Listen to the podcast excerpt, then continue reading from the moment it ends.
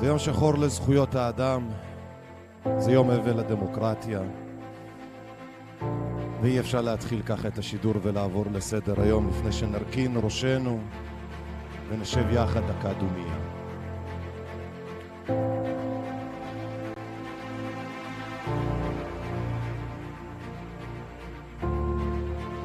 אנחנו צריכים לשבת דקה דומיה לזכר כל אותן זכויות האדם שנלקחו מאיתנו.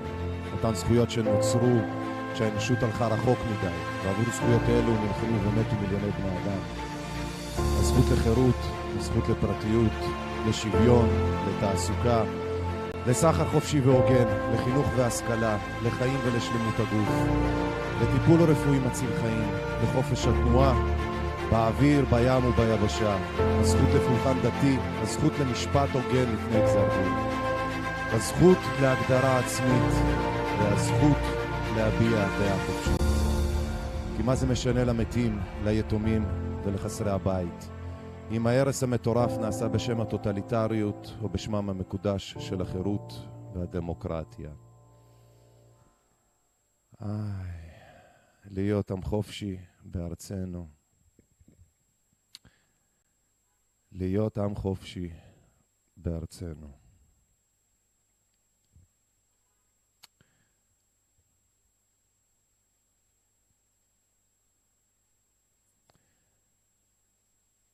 איי.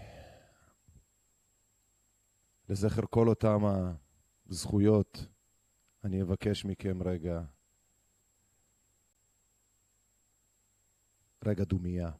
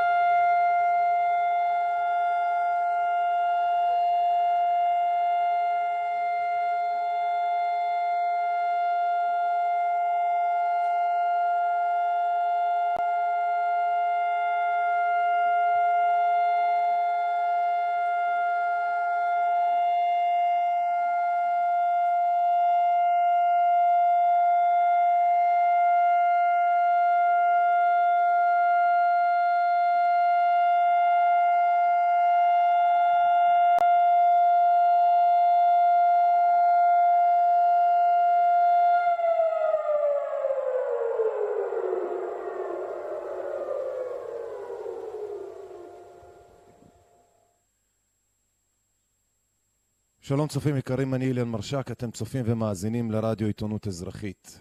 אני רוצה לברך אתכם על זה שאתם פה איתנו, לא מובן מאליו למי שצופה.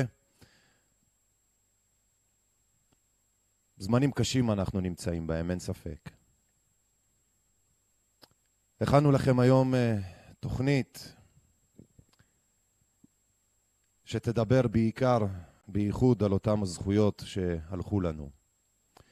אתם מוזמנים להצטרף אלינו לשידור שלנו בצ'אט, ביוטיוב, באתר האינטרנט שלנו ie2020.net וכמובן גם בערוץ הטלגרם שלנו, עיתונות אזרחית 2020. אני רוצה שהיום אנחנו נתמקד, נפרק את מה שקשה בתקופה הזאת, את אובדן הזכויות, ונדגיש ונראה לכם איך הדברים האלה נשמעים ונראים מסביב לעולם. אני רוצה שניתן כמה צלילים, ואז אנחנו uh, נמשיך משם.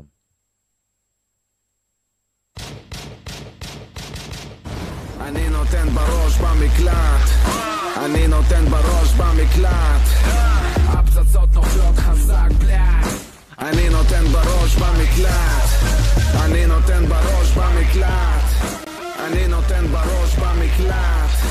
הפצצות נופלות חזק בלאט אני נותן בראש במקלט. יש פה ריח של כסף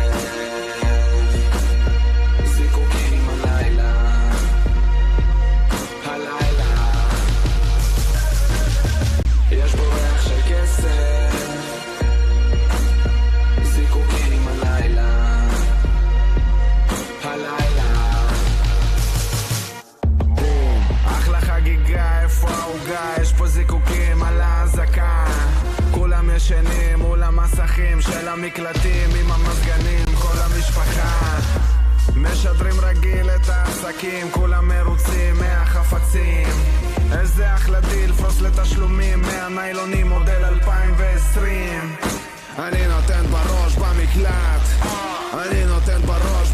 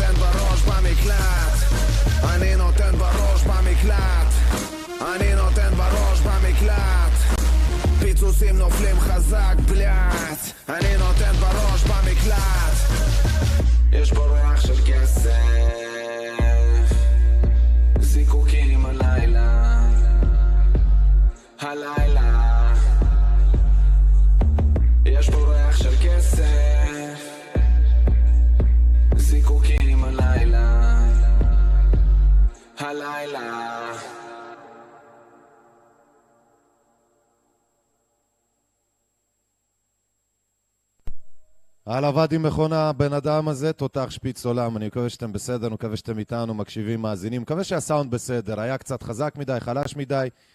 בואו רגע נבדוק, נראה. אני חזק מדי, כן, צועק, צורח, אז אולי טיפה נוריד. למרות שזה נשמע בסדר גמור. אוקיי. ככה, היום אנחנו דיברנו בכלל, לא רק היום, אנחנו מדברים על מרד. אתם ואני אולי מרגישים שאנחנו הבודדים פה שאומרים לא, שמתנגדים למה שקורה, אבל תאמינו לי שזה לא ככה. אנחנו לגמרי לא לבד, אנחנו בכלל לא לבד. אז uh, מרד, זה בערך מה שקורה פה. נכון. אז uh, החודש מה מצפה לנו, שואלים? שוב פעם, חברים, מה זה מה, מה מצפה? ז, אני אראה לכם בדיוק מה אתם, ב, באיזה תקופה אתם נמצאים, מה מצפה לכם ומה יהיה. ב, בכמה מילים פשוטות, אוקיי? במילה אחת, זה מרד. זה שמנו לפני כמה חודשים כדי להסביר שזה מה שיהיה. אזרחים אפס זה לא הדבר הכי משכיל שיש, כן? אז הם מתייחסים לדברים ריאקציונרית. או כן או לא. ראיתי, התרשמתי, כן, לא. מתאים לי, מדבר אליי, כן או לא. לא דיבר, עכשיו מדבר. אוקיי? מרד אזרחי, חברים. אין, אתם רוצים את זה בצהוב על גבי כל הזה? מרד אזרחי. אוקיי? מאוד מאוד פשוט, אלגנטי. אנחנו, אזרחי ישראל, מזהירים את הממשלה מהמשך נקיטת צעדי סגירה שיובילו את המדינה אל סופה. מאוד קולח. עכשיו, זאת הייתה התראה בשעתו, כן? אבל עכשיו לא צריך, זהו, נגמר ההתראות. עכשיו אנחנו יוצאים אל הפועל. עכשיו זה המרד. מרד, מרד, מרד, מרד, מרד,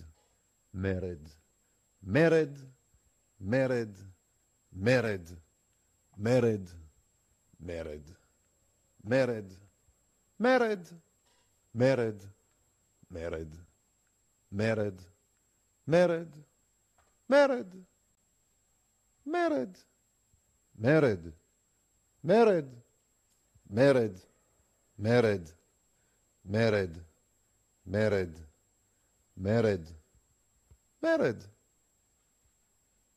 מרד.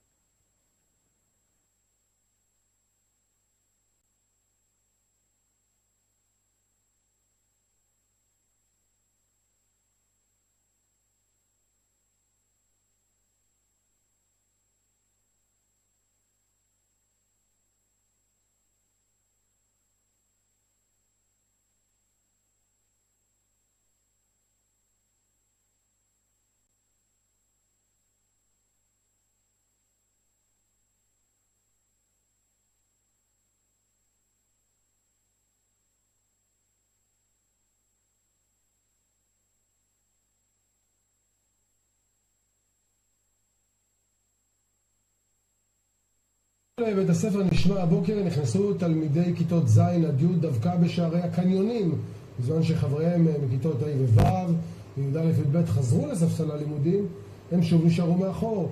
כתבתנו לענייני חינוך ליאור ורוצלבסקי עם הפרטים לא כך תכננו תלמידי כיתה ח' ממודיעין לחזור ללימודים.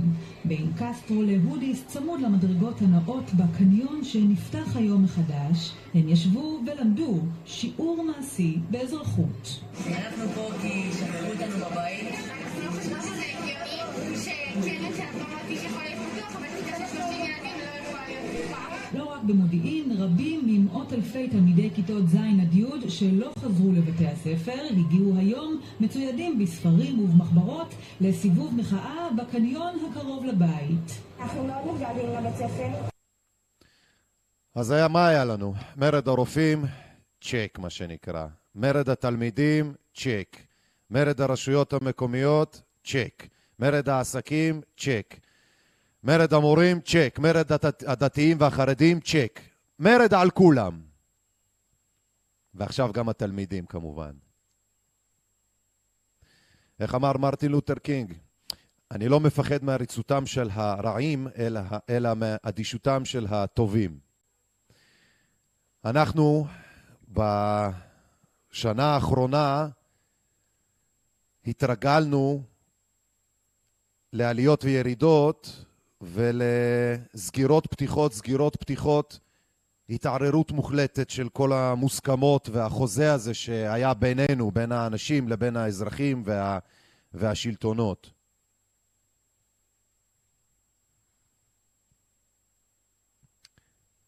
ברגע שהפרו את אותו החוזה שהיה לנו, אז מה שקרה זה שהאנשים החליטו שאם השלטונות מפרים את החוזה הזה, כאשר הם אומרים לכם לעשות X, אבל בכלל הם עצמם עושים Y, וכשהם אומרים לכם א', אז בכלל קורה ב' וג' וד', אז החוזה, הפרת החוזה הזה, מביא את האנשים להגיד חלאס. כי בהתחלה אתה מאמין, בהתחלה אתה רוצה להאמין. בהתחלה אתה רוצה לסמוך, אבל זה לא עובד.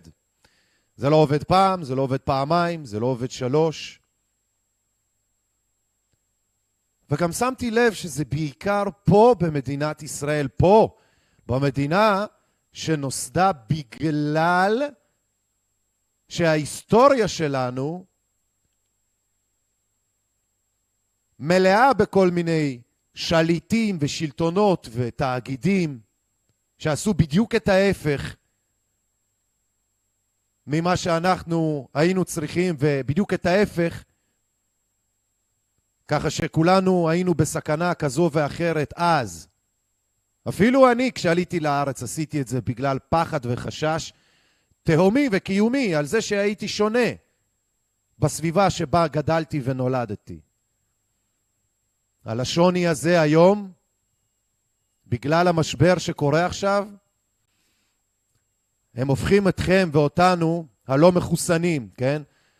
אנשי העסקים, הרופאים, התלמידים,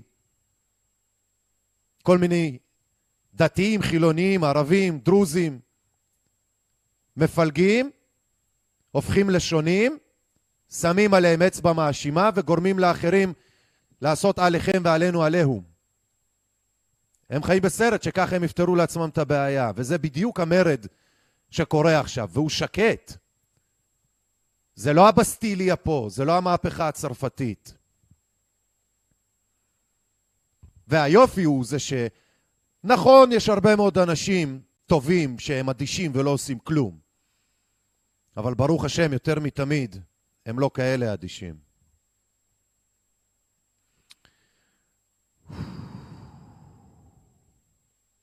אתם יודעים, בכמה מדינות מסוימות באירופה, הם, להבדיל מהישראלים החמודים שאנחנו, הם לא מחכים לכל מיני, אה, אה, כן מותר להשוות, אסור להשוות. מגן דוד צהוב, אנשים יצאו במחאה בלובשם, בפראג, בצ'... בצ'כיה, בלובשם מגן דוד צהוב, כמחאה על מה שקשור לחיסוני הקורונה. הם אומרים חלק מהאנשים שזה מבזה את. אה, זיכרון השואה ואת הקורבנות של השואה. זה מה שכתוב פה, זה מהג'רוזלם פוסט. וזה מן הסתם בחודש האחרון יותר ויותר במקומות בארץ ובעולם מדברים בדיוק על זה. Against the local government's efforts in getting a vaccine to help battle the coronavirus by wearing a yellow star of David. Just as Jews were forced to wear the distinctive mark while they were prosecuted, so too some of the protesters chose to wear the star. כמו שסימנו את היהודים בשעתו, כשהיהודים הכריחו אותם במלחמת העולם השנייה, כך אלה שמכריחים אותם להתחסן בפראג, בצ'כיה, החליטו לצאת במחאה ולשים את זה על עצמם. וגם צריך לשים לב ש- the word unvaccinated was printed on the Star of David in reminiscence of the word Jude in Nazi Germany. הם כתבו את המילה לא מחוסן, הדפיסו את המילה לא מחוסן על מגן הדוד הצהוב, כדי להזכיר שזה ככה כמו שהיה כותבים את המילה יהודי בגרמניה הנאצית, כדי לבדל אותם מהסביבה ומהחברה.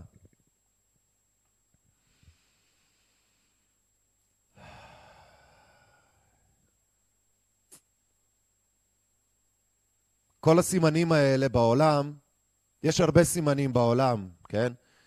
שמבדילים בין אנשים. נניח, כשמאבטחי ראש הממשלה, בגלל שזה לא מעט, זה הרבה מהם, והם לבושים בצורה יחסית כזאת מונו משעממת, מה שנקרא, כן?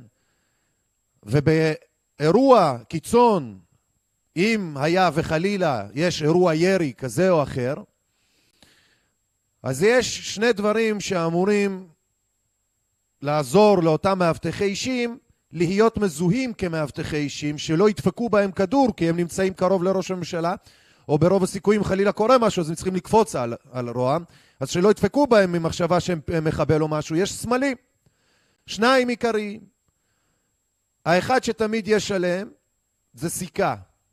הסיכה הזו בדרך כלל היא סיכה של או אבטחת אישים או איזשהו משהו מוסכם כזה או אחר. בדרך כלל, אם זה 730, זו סיכה מיוחדת.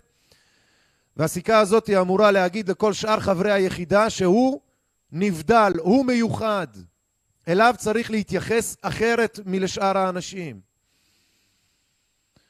ויש גם כובע ביטחון של משטרה, כזה שנמצא אצלה מתחת לחליפה, בדרך כלל לא רואים את זה. ואז אם חלילה משהו, הם מתורגלים, זה חלק מהנוהל לשים כובע כדי לגרום להם להיות מזוהים. העניין של זיהוי סביבתי ולהבדיל בין אנשים הוא מאוד ידוע. זה חשוב. ואתם רגילים גם שזה נורמטיבי להבדיל בין אנשים, בין תפקידים, יש מדים, יש סמלים שמבדילים. הבעיה זה שאתם גם מורגלים בלי לשים לב לאותה התניה. במילים אחרות, לא משנה מה הסמל או מה הטלאי או טלאי שמי לובש ולמה הוא לובש את זה. קודם כל אתם לפני הכל יודעים שזה אומר שהוא כנראה נבדל מהאחרים. והנה היום רוצים לשכנע אתכם שמי שלא מחוסן צריך להבדיל אותו בצורה קיצונית ביותר, עם אזיקונים אלקטרוניים, עם בידודים, עם לתת את המידע שלו כפי שאושר עכשיו, כן? תכף נדבר על זה. לתת את המידע שלו לרשויות המקומיות, כן?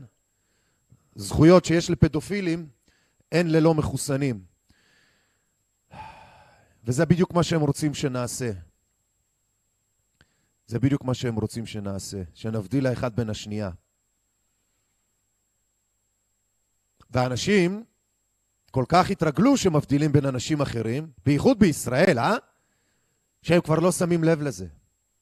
הם גם יותר מזה, הם מבסוטים שהם לא מאלה שסומנו. הם מבסוטים שהם לא מאלה שסומנו. אני לא מאשים אותם בכלל. אני יכול להבין אותם לגמרי. טוב, אנחנו נעלה לשיחה, כן? מול אה, יואב, מה היה? אני רוצה... רגע, אנחנו נעלה לשיחה מול יואב מצ'כיה כדי לשמוע ממנו כמה מילים. כן, רגע, שנייה. אני, יש לי אותו בזה. טוב, אני אומר נשים כמה צלילים. כן, אני אומר נשים כמה צלילים. קודם זה היה ואדי מכונה עם השיר שלו במקלט, וזה הכל מאוד רלוונטי בעיניי. הכל מאוד uh, רלוונטי. Uh, אני רוצה לשים את uh, שירה חן עם השיר שלה Very Soft. סליחה, Fly Away, Very Soft אני אומר. Fly Away, uh, לרוז אין שירה. אני רוצה שנשים את זה ונעבור ליואב uh, מצ'כיה.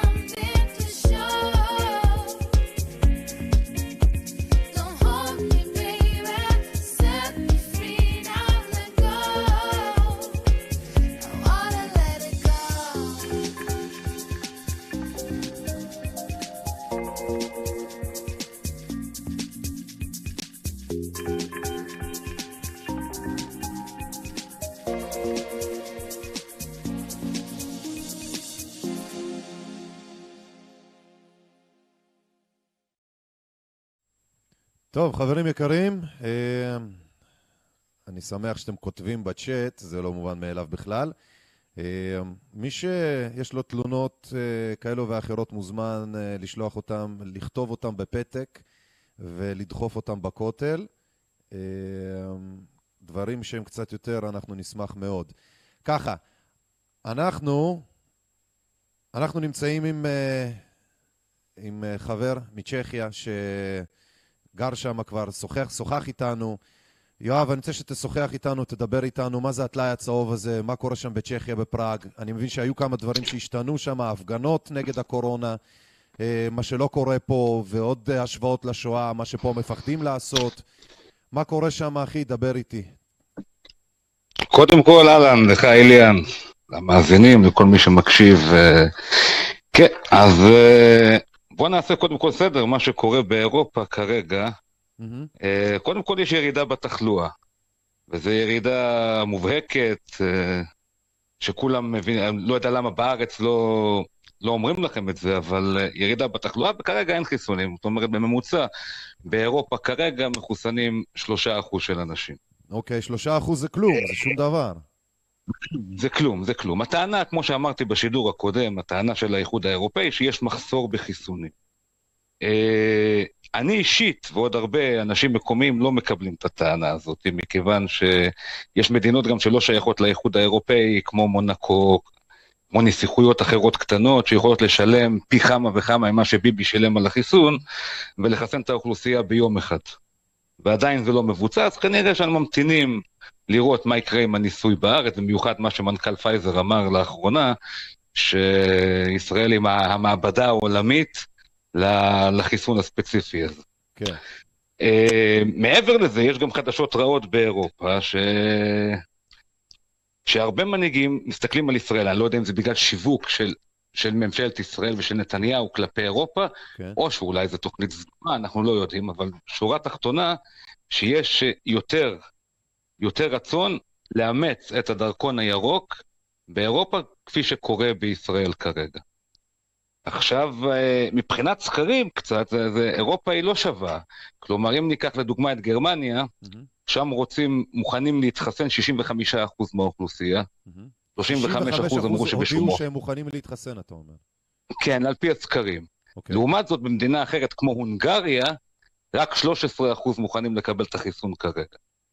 זאת אומרת שזה לא, אין, אין שוויון, אי אפשר להגיד אירופה רוצה או אירופה לא רוצה, כי זה מאוד תלוי במדינה, מאוד תלוי באזור גם. קח לדוגמה את צ'כיה, לדוגמה, שצ'כיה עקרונית מבחינת תחלואה היא מעט נכשלה, כן. כי יש תחלואה גבוהה שם, אבל uh, בצ'כיה, אם ניקח את העיר פראג, ששם יש רצון כן להתחסן והמטרה זה לחזור חזרה לחיים, כי כל הסיפור של החיסון, אנשים פחות מפחדים מהחיסון, מהמחלה עצמה, מהקורונה. הם אומרים בואו נתחסן ונחזיר את התיירים, בואו נתחסן, נחזיר את הכלכלה, ובואו בואו- אה, נחזור, נחזיר את? החיים הנורמליים. זאת אומרת, כי זה מה שאני אומר על פה, על ישראל, שגם בישראל זה יצא שזה פשוט אנשים, יצא להם כאילו, הם, אם הם יתחסנו, אז כאילו יחזרו לשגרה ויהיו בריאים, בעוד כל הדיבורים הם בכלל לא על בריאות, זה לא תתחסנו תהיו בריאים, זה תתחסנו נכון, ותוכלו בדיוק, לחזור לתרבות. בדיוק, בד- בדיוק. הנקודה היא, הנקודה היא שאנשים מפחדים יותר מהממשלות, מאשר מפחדים מהמחלה, כי המחלה היא באמת אה, יחסית זניחה עם 99 אחוז, אה, 99 אחוזי החלמה. כן. אבל באירופה המצב טיפה שונה, כי אם ערי הבירה רוצים את התיירים ורוצים את החיים בחזרה ורוצים את העבר, אז uh, באירופה יש גם כפרים נידחים ואזורים שהם, uh, שהם פחות מאמינים מה שנקרא במדע ופחות אכפת להם מהממשלה. לדוגמה בצ'כיה, עיר כמו אוסטרבה, אני לא מציע לאף אחד לנסות לחסן אותם שם. רגע, אבל אם אתה אז, אומר אה, שבעצם שם הרבה יותר קל לא ליפול בתוך התכתיבים של השלטונות, אז למה דווקא שם יש את ההפגנות הקיצוניות, לא קיצוניות, אבל ההפגנות שמבטאות דיבור מאוד מאוד, אה, אתה יודע, די קיצוני לזמננו אנו, להשוות את הלא מתחסנים ליהודים עם טלאי צהוב בצ'כיה, למרות ששם הכי קל אה, בהשוואה לישראל לברוח מזה, אז למה דווקא שם יש את ההפגנות הקיצוניות ופה בישראל אין לדעתך? יש, יש בכלל, קודם כל נתחיל מה, מהצחוקים במרכאות שהאירופאים עושים, אה, עושים עלינו. אוקיי. נאמר כמובן בהומור, כן, הגרמנים, הגרמנים אה, מחסנים שוב את היהודים. אה, אני גם אישית לא יודע מה, מה יהיו ההשלכות של החיסון הספציפי הזה. אוקיי. אה, יכול באמת, אנחנו באמת יכולים ליפול ולהגיע למצב שהוא קטסטרופלי. כי מבחינתנו, אם טעינו בחיסון של פייזר, וחלילה נקבל תחלואה גבוהה או תמותה גבוהה, אוקיי. אני לא רואה איך מדינת ישראל שורדת את הסיפור הזה. לגבי, לגבי uh, הנושא של הטלאי הצהוב, כן, יש אנשים שיוצאים להפגנות עם טלאי צהוב, ו- ומראים ומוכיחים שקיימים קווים מקבילים בין השואה לבין מה, מה שקורה כרגע. שזה והאמת אני, שזה, שיש. שזה, והאמת- שזה שנייה, שזה אני מקבל, אבל השאלה שלי, רגע, שנייה, אני לא רוצה לצרוח. השאלה שלי היא כזאתי, אבל איך יכול להיות שפה בישראל, לימודי השואה והמלחמות, אין לנו את הדיבור הזה, בהשוואות האלה, אבל דווקא בצ'כיה יש. מה, למה לדעתך אנחנו מפחדים מההשוואה הזאת ובצ'כיה אין להם בעיה איתה? אני חושב בכלל, כשאני עברתי מישראל לאירופה, בכלל הופתעתי מה, מהרצון שלהם לחופש, מהחשיבות של, של הפרידום, של החופש באירופה. ואירופה היא יבשת יותר חופשית. עכשיו, אני לא יכול כאן להתחייב מחר בבוקר שלא יהיה, שאנחנו לא נגלוש גם כאן לפשיזם. זה כן, ייתכן, כן. אנחנו בתקופה מאוד אפלה. כן. אבל אני חד משמעי בטוח שכאן תהיה התנגדות. אני, פה, אני לא רוצה להשתמש במילה חלילה שהיא אולי תעליב את המאזינים כמו כבשים, אבל פה לא יהיו כבשים. אני לא אומר מה שקורה בישראל. כאן לא יהיו כבשים וכאן לא נלך לשחיטה. יכול להיות שכן נלך ל... להתקוממות, כן נלך למלחמת עולם שלישית, שבין השלטונות ל... לאזרחים, אבל כבשים ל- לטבח ולשחיטה לא יהיה פה. אז יהיו כאלה שמאמינים בחיסון, וזו זכותם להתחסן, אין בעיה. כשאתה אומר פה, אתה מתכוון ו- לצ'כיה, אתה לא מתכוון ל... אני לא, לא, אני- כשאני מתכוון פה, כשאני מתכוון, לא, כשאני מתכוון כאן, לא, נ- לא נהיה כבשים, אני מתכוון לצ'כיה, אני מתכוון ל, לפולין עד כמה וכמה, בכלל בפולין אי אפשר לדבר עם האנשים שם. אה, אני מדבר על אז בעצם הונגריה, אני אתה- מדבר על סלוב. אז אתה בעצם, במה שאתה אומר לי עכשיו, זה מוכיח למה, לא מוכיח, אלא זה קצת יותר מסביר למה חברת פייזר ולאחרים היה חשוב מאוד נכון. ליפול על ישראל. לא רק זה, לא רק זה, לחברת פייזר היה חשוב ליפול על ישראל, כי אם על היהודים אפשר לעשות ניסוי, שזה בעצם הפרה הקדושה מאז השואה, אז אה, אם היהודים הסכימו לניסוי הרפואי, אז אז כל השאר. הסכימו על האיסטור ולהקתו. נכון. נכון, נכון, וזה, וזה הנקודה. אני חושב בגדול שצריך למצוא אה, את האיזונים. אני, אני יכול להבין את אלה, יש אנשים שמפחדים מהמחלה, ויש אנשים שרוצים את החיים שלהם בחזרה, למרות שאני חושב שזה לא יקרה כרגע. ולכן אני חושב שצריך למצוא את האיזונים הנכונים בין אה, אלה שרוצים להמשיך בחיים שלהם ורוצים להתחסן ומאמינים בחיסון, לבין אלה שטוענים שזה כפייה. כמוני, לדוגמה, אני חושב שזאת כפייה. לא, ית, לא יעלה על הדעת שיכריחו אותי להזריק חומר שאפילו לא מאושר על ידי ה-FDA, ואנחנו לא יודעים מה ההשלכות שלו בטווח הרחוק, והחומר הזה, הוא יהיה התניה שאני אוכל לחיות או להיכנס לקניון או, ל, או לטייל בחו"ל או ש... וואטאבר, לא משנה. ו, ולכן צריך למצוא את האיזון בין הדברים האלה. אתה... ואני מאמין, אני מאמין שאירופה כן תצליח אולי באיזושהי צורה, עם יותר מרד או פחות מרד, עם יותר התקוממות או פחות התקוממות. אני מאמין שכאן מנהיגי אירופה לא יעשו את הטעות הזאת, ואנחנו נצליח למצוא איזשהו איזון ש... שירגיע את התסיסה ב... בשטח. בישראל אני רואה שאנחנו הולכים לכיוון של כוח. כן, אתה... הממשלה אתה... התאהבה בכוח. בדיבור הקודם שלנו, בשיחה הקודמת שלנו, דיברת על זה שאתה מבסוט שאתה באירופה ולא בישראל בהיבט הזה. ואני רוצה לשאול אותך דווקא עכשיו, עכשיו שאתה באירופה ומגלה שזה מגיע, הדרכון הירוק וכל הכפיית חיסונים גם אליכם, מה? איך, מה, אתה, יש לאן לברוח משם, או שאתה כבר מקפל וחוזר הביתה? לישראל אין סיכוי שאני אגיע, לישראל אין סיכוי שאני אגיע. אני מקווה מאוד שאני לא אצטרך, אה, שאני לא אצטרך לברוח מאירופה. אירופה זה גם 26 מדינות, שהן רק באיחוד. מעבר לזה יש לך עוד מדינות שהן לא באיחוד. כן, אבל אתה יודע הרי מה זה, זה. עוד הפעם מחזיר אותנו הרי לאותם מקומות, כן? אתה תברח מצ'כיה לאיפה? להונגריה ליד? הרי שם יקרקסו אותך כל הימנים של אורבן. לאיפה תלך אחר כך? אישית- לווינה, אישית- לווינה אישית- לאוסטריה, שהם אישית- חברים של נתניהו? אישית, אישית אני אזרח. אזרח, פה אני אזרח, אני לא... פה הממשלה לא עושה לי טובה שאני, שאני נמצא פה ולא ויזת עבודה ולא כל אה, שטות אחרת. אני אזרח, ואם צריך, אנחנו נילחם. ואנחנו נילחם על החופש שלנו, ויש פה המון אנשים שרוצים להילחם על החופש, וזה...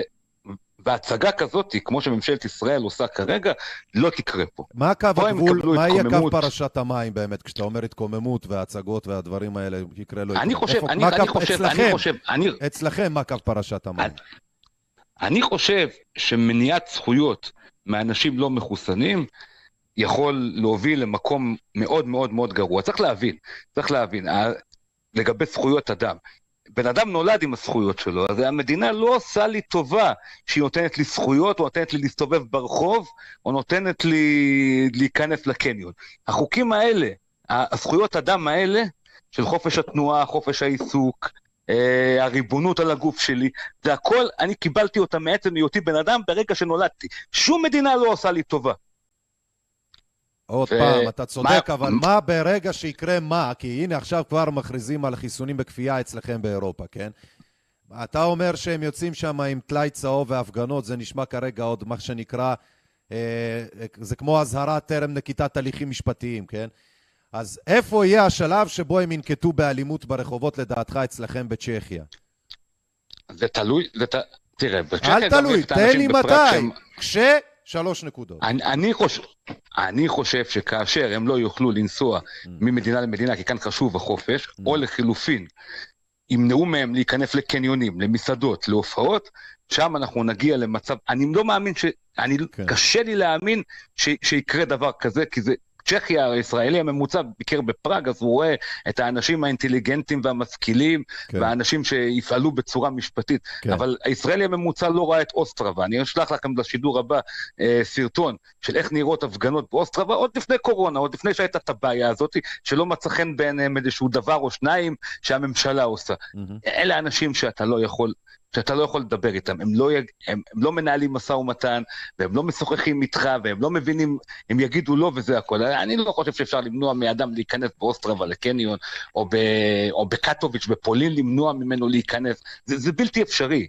ואם ממשלת, הממשלות באירופה חושבות שזה אפשרי, הם יעשו טעות חייהם. לדעתי האישית, אנחנו לא ניגרר לשם, אבל אני גם לא חשבתי שאנחנו ניגרר עד למקום כזה בארץ, לא חשבתי שדבר כזה יכול לקרות, ולכן אני לא פוסל שום דבר, ותמיד גם עוד בשידור הקודם אמרתי, כרגע המצב טוב, גם פה כרגע המצב טוב, כי האדם המקומי לא מתעסק בנושא החיסונים, כי הוא עדיין לא מעכל ולא מפנים את מה שנאמר. אה, כאשר זה, הבן אדם הזה, הטבע האנושי זה ש- לראות את, לראות את זה מול העיניים, וברגע שיראו את זה מול העיניים, אני חושב שיגיע מרד, ואני בטוח שיגיע מרד. אבל בסופו של דבר גם, אה, אני חושב שכל הסיפור הזה מיותר, כי אם אנחנו נסתכל בהיסטוריה לגבי מגפות, ונניח שהקורונה היא מגפה, מהמם. היא באמת מגפה מסוכנת, כמו שאומרים, מהמם. אז מסלול של וירוס כזה הוא בערך שנתיים. אז לבוא ולרסק את הכלכלה ולרסק את, את, את, את המרקם החברתי האנושי בשביל השבעה או השמונה חודשים שנותרו, אני חושב שזה יהיה טעות ובכייה לדורות, איפה שזה ייעשה. תקשיב, שואלים אותי פה בצ'אט, מה תעשה אם יכריחו אותך להתחסן עם אקדח אה, צמוד לראש? עם אקדח באיום אה, מאקדח, אה, מה שנקרא. מי שיאיים עליי באקדח, אז אני אלחם, בוודאי שבאקדח לא. אני, השאלה היא אחרת, אם יהיו סנקציות אה, ש, שיגבילו את החיים שלי, מה עושים באירופה יחסית למה למה אתה שעושים בישראל. מסתבך? אז- מה אתה תעשה כשיגיעו הסנקציות שיש פה בישראל, כשהם יגיעו לצ'כיה? מה אתה תעשה? אז אני אסביר. אז אני, אני, שנייה אני אסביר. בישראל יש עוד בעיה ספציפית ש, ש, שלא נגעתם בה בשידור, אוקיי. וזה ההתחייבות של ישראל לפייזר. עכשיו, החיסונים הם לא חיסונים, אה, החיסונים שמשווקים כרגע בעולם הם לא חיסונים דומים. אוקיי. וכל הסיכון וכל הסיבה של הניסוי בעצם, למה הסיבה של הניסוי? למ, הרי לא היו לוקחים ניסוי, חיסון סיני ועושים לו ניסוי בסגנון הזה, מכיוון שהוא אה, נוצר בטכנולוגיה ישנה, מוכרת, שאין צורך לבצע ניסוי כזה רחב. הסיבה של, ה, של הניסוי בישראל זה חיסוני ה-RNA. אני בטוח שאתה תסביר למאזינים יותר טוב ממני, אבל ה-RNA עצמו היא טכנולוגיה חדשה שאנחנו לא יודעים עדיין מה, מה ההשלכות שלה לטווח הארוך. אנחנו רואים בטווח הקצר אנשים שמקבלים דום לב, אנשים שמקבלים אה, בעיות נוירולוגיות, אם זה עקצוצים, אם זה שיתוק, אם זה whatever, כל, כל ה shit הזה. כן. וכבר באירופה אנחנו במצב יותר טוב, מכיוון שכאן קיימים חיסונים שהם לא טכנולוגיית RNA, מודרנה ופייזר הם ה-RNA, שזו כן. הטכנולוגיה החדשה, כן. כאשר הונגריה היום, וזה שכחתי, שכחתי לומר בתחילת השידור, מהמם. הונגריה לדוגמה ראש ממשלת הונגריה שזה ויקטור אורבן, מהמם. הוא אומר שהוא רוצה את החיסון הרוסי, שזה הספוטניק, שזה בעצם חיסון שהוא חיסון וקטור, נכון. הוא נכון, אני אומר נכון, כאילו שאני יודע, הנוסף- כן, זה מה שהם אומרים. כן, זה מה שהם אומרים. כן, והחיסון הנוסף, שזה החיסון הסיני, שזה חיסון בעצם של נגיף מוחלש. כן. עכשיו, על, על השאלה של האנשים, מה אני אעשה? אם יהיה עם אקדח בראש, אנחנו נגיב באקדח. כשיורים עליי, אני יורה בחזרה, וזה חד משמעי.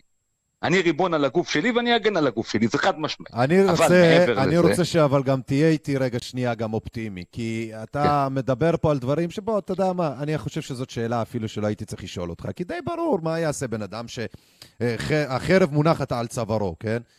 מה יעשה? לא יגיב? יגיב. זאת לא השאלה. יותר לדעתי חשוב זה העניין האופטימי, לדעתי. כי תראה, כולנו יודעים מה נעשה כשהחרב תהיה מונחת על צווארנו, כן? מי יגיב, יגיב, מי לא יגיב, לא יגיב. אבל בוא נהיה רגע אופטימיים, כי עד אז עוד הדרך ארוכה ורבה. אני רוצה שתהיה איתי רגע חיובי, ואני רוצה שתהיה איתי רגע אופטימי, ותגיד לי איך או מה, משהו טוב אחד שאתה רואה מכל הבוכלטריה הזאת שמתרחשת, גם אם היא נוצרת כתוצאה מהשכלה. משהו אופטימי. לעתיד הקרוב, למשהו שאנשים יוכלו גם להיאחז בו, כי אי אפשר שהכל שכלה, כי זה לא באמת הכל שכלה. בוודאי, בוודאי. קודם כל, ב-20 לשלישי תהיה הפגנה עולמית שמאורגנת בכל המקומות, דרך אגב, גם בישראל. ב- השאלה ב-20 כמה למרץ? אנשים יגיעו בארץ. ל-20 למרץ. אוקיי. שזה הפגנה של התקוממות עולמית. באירופה זה כן, אנשים נותנים את זה, על זה את הדעת, וכן אה, נחשפים לזה. בישראל, למרות שכן, יש אנשים ש... ש... שמתכוונים אה, לשתף את ישראל בסיפור הזה, אני לא יודע כמה אנשים יגיעו, אני לא יודע גם כמה ההפגנה בארץ היא, היא אפקטיבית. להתעמת מול כוחות לך, יס"מ. אתה ממש קשה לך כאילו להיות אופטימי, אני מרגיש לי. אתה כאילו כל שנייה גולש לא, ל... לא קשה. אתה כאילו אומר, תהיה הפגנה, אבל כוחות יס"מ. אנחנו הרוב, תגיד את זה. We are the people in אנשורלי. אתה מבין למה אני מתכוון? בוודאי, אנחנו, אנחנו, אנחנו, אנחנו ה-99 אחוז, וזה בוודאי שאנחנו ה-99 אחוז, אבל מה קרה מהשידור האחרון ששוחחתי איתכם? אמרתי, אנחנו הרוב. בשידור הקודם, שזה היה לפני שבועיים בערך.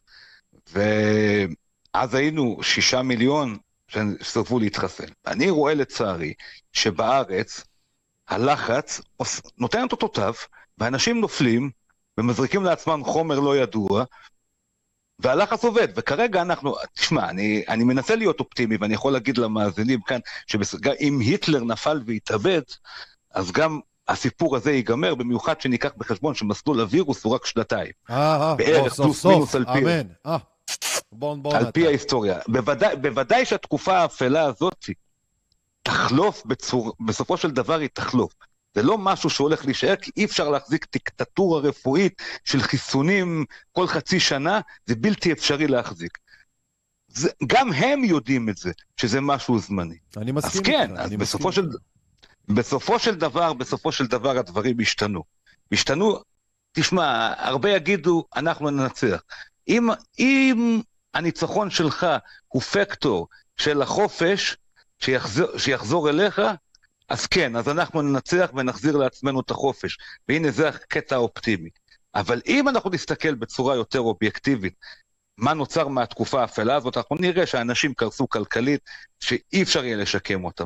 אנחנו נראה שהחברה האנושית תאבד אמון לחלוטין, משהו שאי אפשר יהיה לשקם אותו בדורות הקודמים, וזה לפני שאני נוגע בנזק ובהשלכות אני- ארוכות אני- הטווח של החיסון, אין אני- חלילה זה. אז נכון, אנחנו ננצח. אם החופש הוא המטרה, אז המטרה הזאת, אני מבטיח לך ולמאזינים, שאנחנו ננצח והחופש יחזור. וזה יהיה בסביבות 2022, באמצע 2022. אני אבל צריך. להסתכל על התמונה הכוללת ועל הנזק, אה, הנזק ה- השונה שה- ש- שהסיפור הזה סיים. שהס- שהסיפור הזה גרם. כל עוד הסיפור הזה אתה, גרם. כל עוד אתה, מה שנקרא, עוד לא תחת סנקציות של מתחסנים או לא מתחסנים, בצ'כיה, אני חושב שאני מאוד מבסוט בשבילך, ובכלל האחרים שם, שכרגע זה... אני יכול גם הניסוי להמליץ הוא- למישהו, אני, אני, שהניסוי אני הוא ממוקד. שזה לא מלחמת עולם, אתה יודע, אצל הנאצים הם הלכו אני, ישר אני רוצה להמליץ כולם. לאנשים. נו, אני רוצה להמליץ לאנשים. לפני שאני ממליץ לאנשים, אני רוצה להגיד משהו. אני קראתי מחקר על השואה, מי האנשים, מי האנשים בשואה שבעצם שרדו. והאנשים בשואה ששרדו הם האנשים שקודם כל האנשים שלא צייתו. מי שעלה לרכבת, הוא לא נסע, היה לו one way ticket. כן. אה, אז מעבר לזה, יש לך שתי אופציות. אופציה אחת, היא באמת להילחם. ולהיות מעין פרטיזן כמו שהיינו בשואה, אבל זה לא מתאים לכל אחד. האופציה השנייה היא באמת לרדת מתחת לרדאר. וזה מתאים להרבה יותר אנשים. ציות לא בא בחשבון כאן במיוחד שכופים עליך ואונסים לך את הגוף להזריק חומר בניסוי רפואי, חומר שלא מאושר, שה...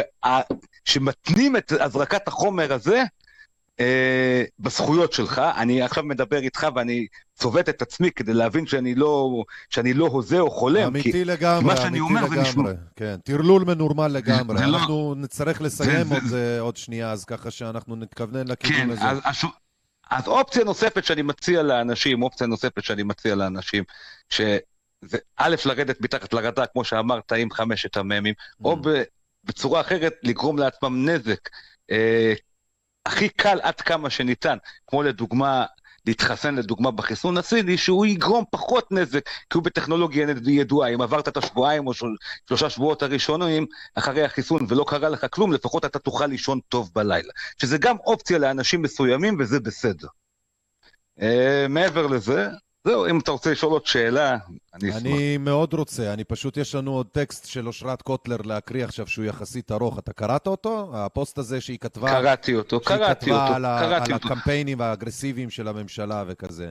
מה אתה אומר עליו? הקורונה הזאת היא מה שטוב, הקורונה מה שטוב בה היא הורידה את המסכות מהאנשים. אז אושרת קוטלר היא. הצד החיובי של הורדת המסכות בסיפור הזה, אבל לצערנו, על כל אושרת קוטל, קוטלר אחת יש עשר אברי גלעד. אהו, שאף- ודני קושמרו וכאלה, אבל עוד פעם, נהיה אופטימיים שיש לפחות כן. כמה כאלה שהם משלנו. נכון. נהיה אופטימיים. אז נכון, אה, אבל האופטימיות האחרונה, אני אסיים, אם אנחנו ננצח ונחזיר לעצמנו את החופש, וזה יקרה בסופו של דבר, ואני מבטיח לכם, אם לא נסתכל על הנזק שד... שדיברתי עליו קודם, החופש יחזור. אחד הדברים האופטימיים ש... שאני יכול להגיד לכם, שבתקופת חיינו לא נחזור יותר למצב כזה. כמו שהשואה נתנה 70 שנה של שקט, אחרי שהם זיינו לנו את המוח של never again, כן, גם הסיפור הזה ייתן 100 שנה של שקט. אשכרה זינו. אז כדאי מאוד לעבור. ולנצח וליהנות מהמאה שנה. אני מסכים איתך. יואב מצ'כיה, אני רוצה להגיד לך תודה רבה, נשמה, שעלית, שדיברת, שסיפרת מה קורה שם בצ'כיה. למרות הדברים הפחות אה, חיוביים שם שמתגלים, אבל עדיין יש עוד מקום לאופטימיות שאנחנו הרוב. שוב, אני רוצה להגיד לך תודה רבה. אני הולך להקריא עכשיו את הטקסט של אה, אה, אה, אושרת אה, קוטלר, וזהו, עד הפעם הבאה אני אומר. תודה לך, תודה למי שהקשיב. ביי, יום טוב. תודה, תודה. אמ, אז לכן אנחנו אה, עכשיו נעשה, כן, אנחנו נקריא את הפוסט הזה של אה, אושרת קוטלר, כי צריך להקריא אותו, שהיא הייתה עיתונאית שפרשה או הפרישו אותה עד לא מזמן, אה, היא הייתה בערוץ 13, אה, ממש עם תחילת הקורונה פלוס מינוס כבר עשו לה להתראות. והיא תמיד הייתה דעת, דעתנית אה, דברנית. אה, בואו נקריא זריז את מה שהיא כותבת. הפוסט הזה נכתב מדם ליבי ומתוך דאגה גדולה לגורל, גורלנו הלאומי. אני מתבוננת כבר שבועות בקמפיין החיסונים האגרסיבי של הממשלה, שהופך בימים האחרונים לסיר לחץ של תעמולה הגובלת בציד מכשפות. לפני שאמשיך, חשוב להבהיר, אינני נמנית על מתנגדי החיסונים וגם לא על מכחישי הקורונה, אבל מה שמתרחש לנגד עינינו מדיר שינה מעיניי. התחלנו לסמן אנשים לא מחוסנים ולהגביל את חירותם. לייצר מתוך כוונה מלאה שני סוגי אזרחים. הסוג העליון, המחוסן, יורשה ליהנות מחיי תרבות וספורט, בידור ופנאי, והסוג הנחות, הלא מחוסן, שיהפוך החל מיום ראשון הקרוב לסוג ב'. אנחנו משתפים פעולה עם המהלך המטורף של סלקציה. כן, סלקציה. בכניסה לאירועי התרבות והספורט, וכל הכבוד, וכל הכבוד לרשף לוי שהודיע היום כי יקבל גם לא מחוסנים להופעתו. משרד הבריאות כבר מכין הצעת חוק לחיסון בכפייה, ואיש לא נעמד על רגליו האחוריות ומודיע עד כאן. לא נציית לחיסונים בכפייה, לא נציית להפיכת אוכלוסייה שלמה, שחלקה מפחדת, חלקה לא יכולה להתחסן, וכן, חלקה לא רוצה להתחסן, לאזרחים סוג ב'. ומה עם ההגנה על בריאות הציבור? כאן אין מקום לוויכוח. יש להגן על האוכלוסייה מפני הדבקה, אבל הפתרון לכך פשוט וזמין, אם כי משום מה מדינת ישראל לא מאמצת אותו כבר שנה. ישנן בדיקות קורונה שהתשובה עליהן ניתנת תוך רבע שעה. שמעתם? רבע שעה.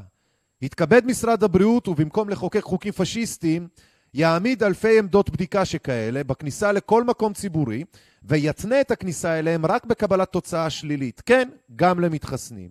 שכן ברור לנו כעת שגם החיסון אינו, אינו ערובה לכך שהמחוסן לא ידביק אחרים. הבדיקות הללו היו צריכות להתבצע כבר מזמן, וכך היה נחסך מאיתנו גם הסגר הכללי והנפשי הממית לא פחות מהקורונה. אז אזרחים יקרים, חברות וחברים, עמדו על זכויותיכם. אל תיתנו לשום ממשלה לחייב אתכם לעבור טיפולים רפואיים בכפייה. אל תיתנו לשום ממשלה להפוך אתכם לאזרחים סוג ב' ולהעביר אתכם סלקציה. הרי מי היה מאמין שאם, שעם שסומן בטלאי ותויג כמפיץ מחלות ינהג באותו אופן כלפי חלקים באוכלוסייה שלא מסכימים עם דעתו. האם השתבשה דעתנו לגמרי? ועוד מילה לעמיתיי העיתונאים. איפה אתם? מה שירת המקהלה המסוכנת הזו? האם באמת שכחתם את תפקידכם הראשון והעיקרי? כלומר, לשאול שאלות קשות, להטיל ספק, למתוח ביקורת? כמעט כולכם מהדהדים ללא הרף את מסרי השלטון ומציגים כל מי שמתנגד למסרים הללו כמתנגד המדע, כפרימיטיבי או כחסר אחריות. רופאים המתנגדים לעמדת הממשלה מפחדים לדבר בקול רם, ומי שכן עושה זאת, מפוטר לאלתר. ואתם שותקים? איך אתם מבקשים שנאמין לכם? אם יעבור חוק החיסונים בכפייה, אני קוראת לא לציית לו. אני קוראת גם לא לציית לדרכון הירוק.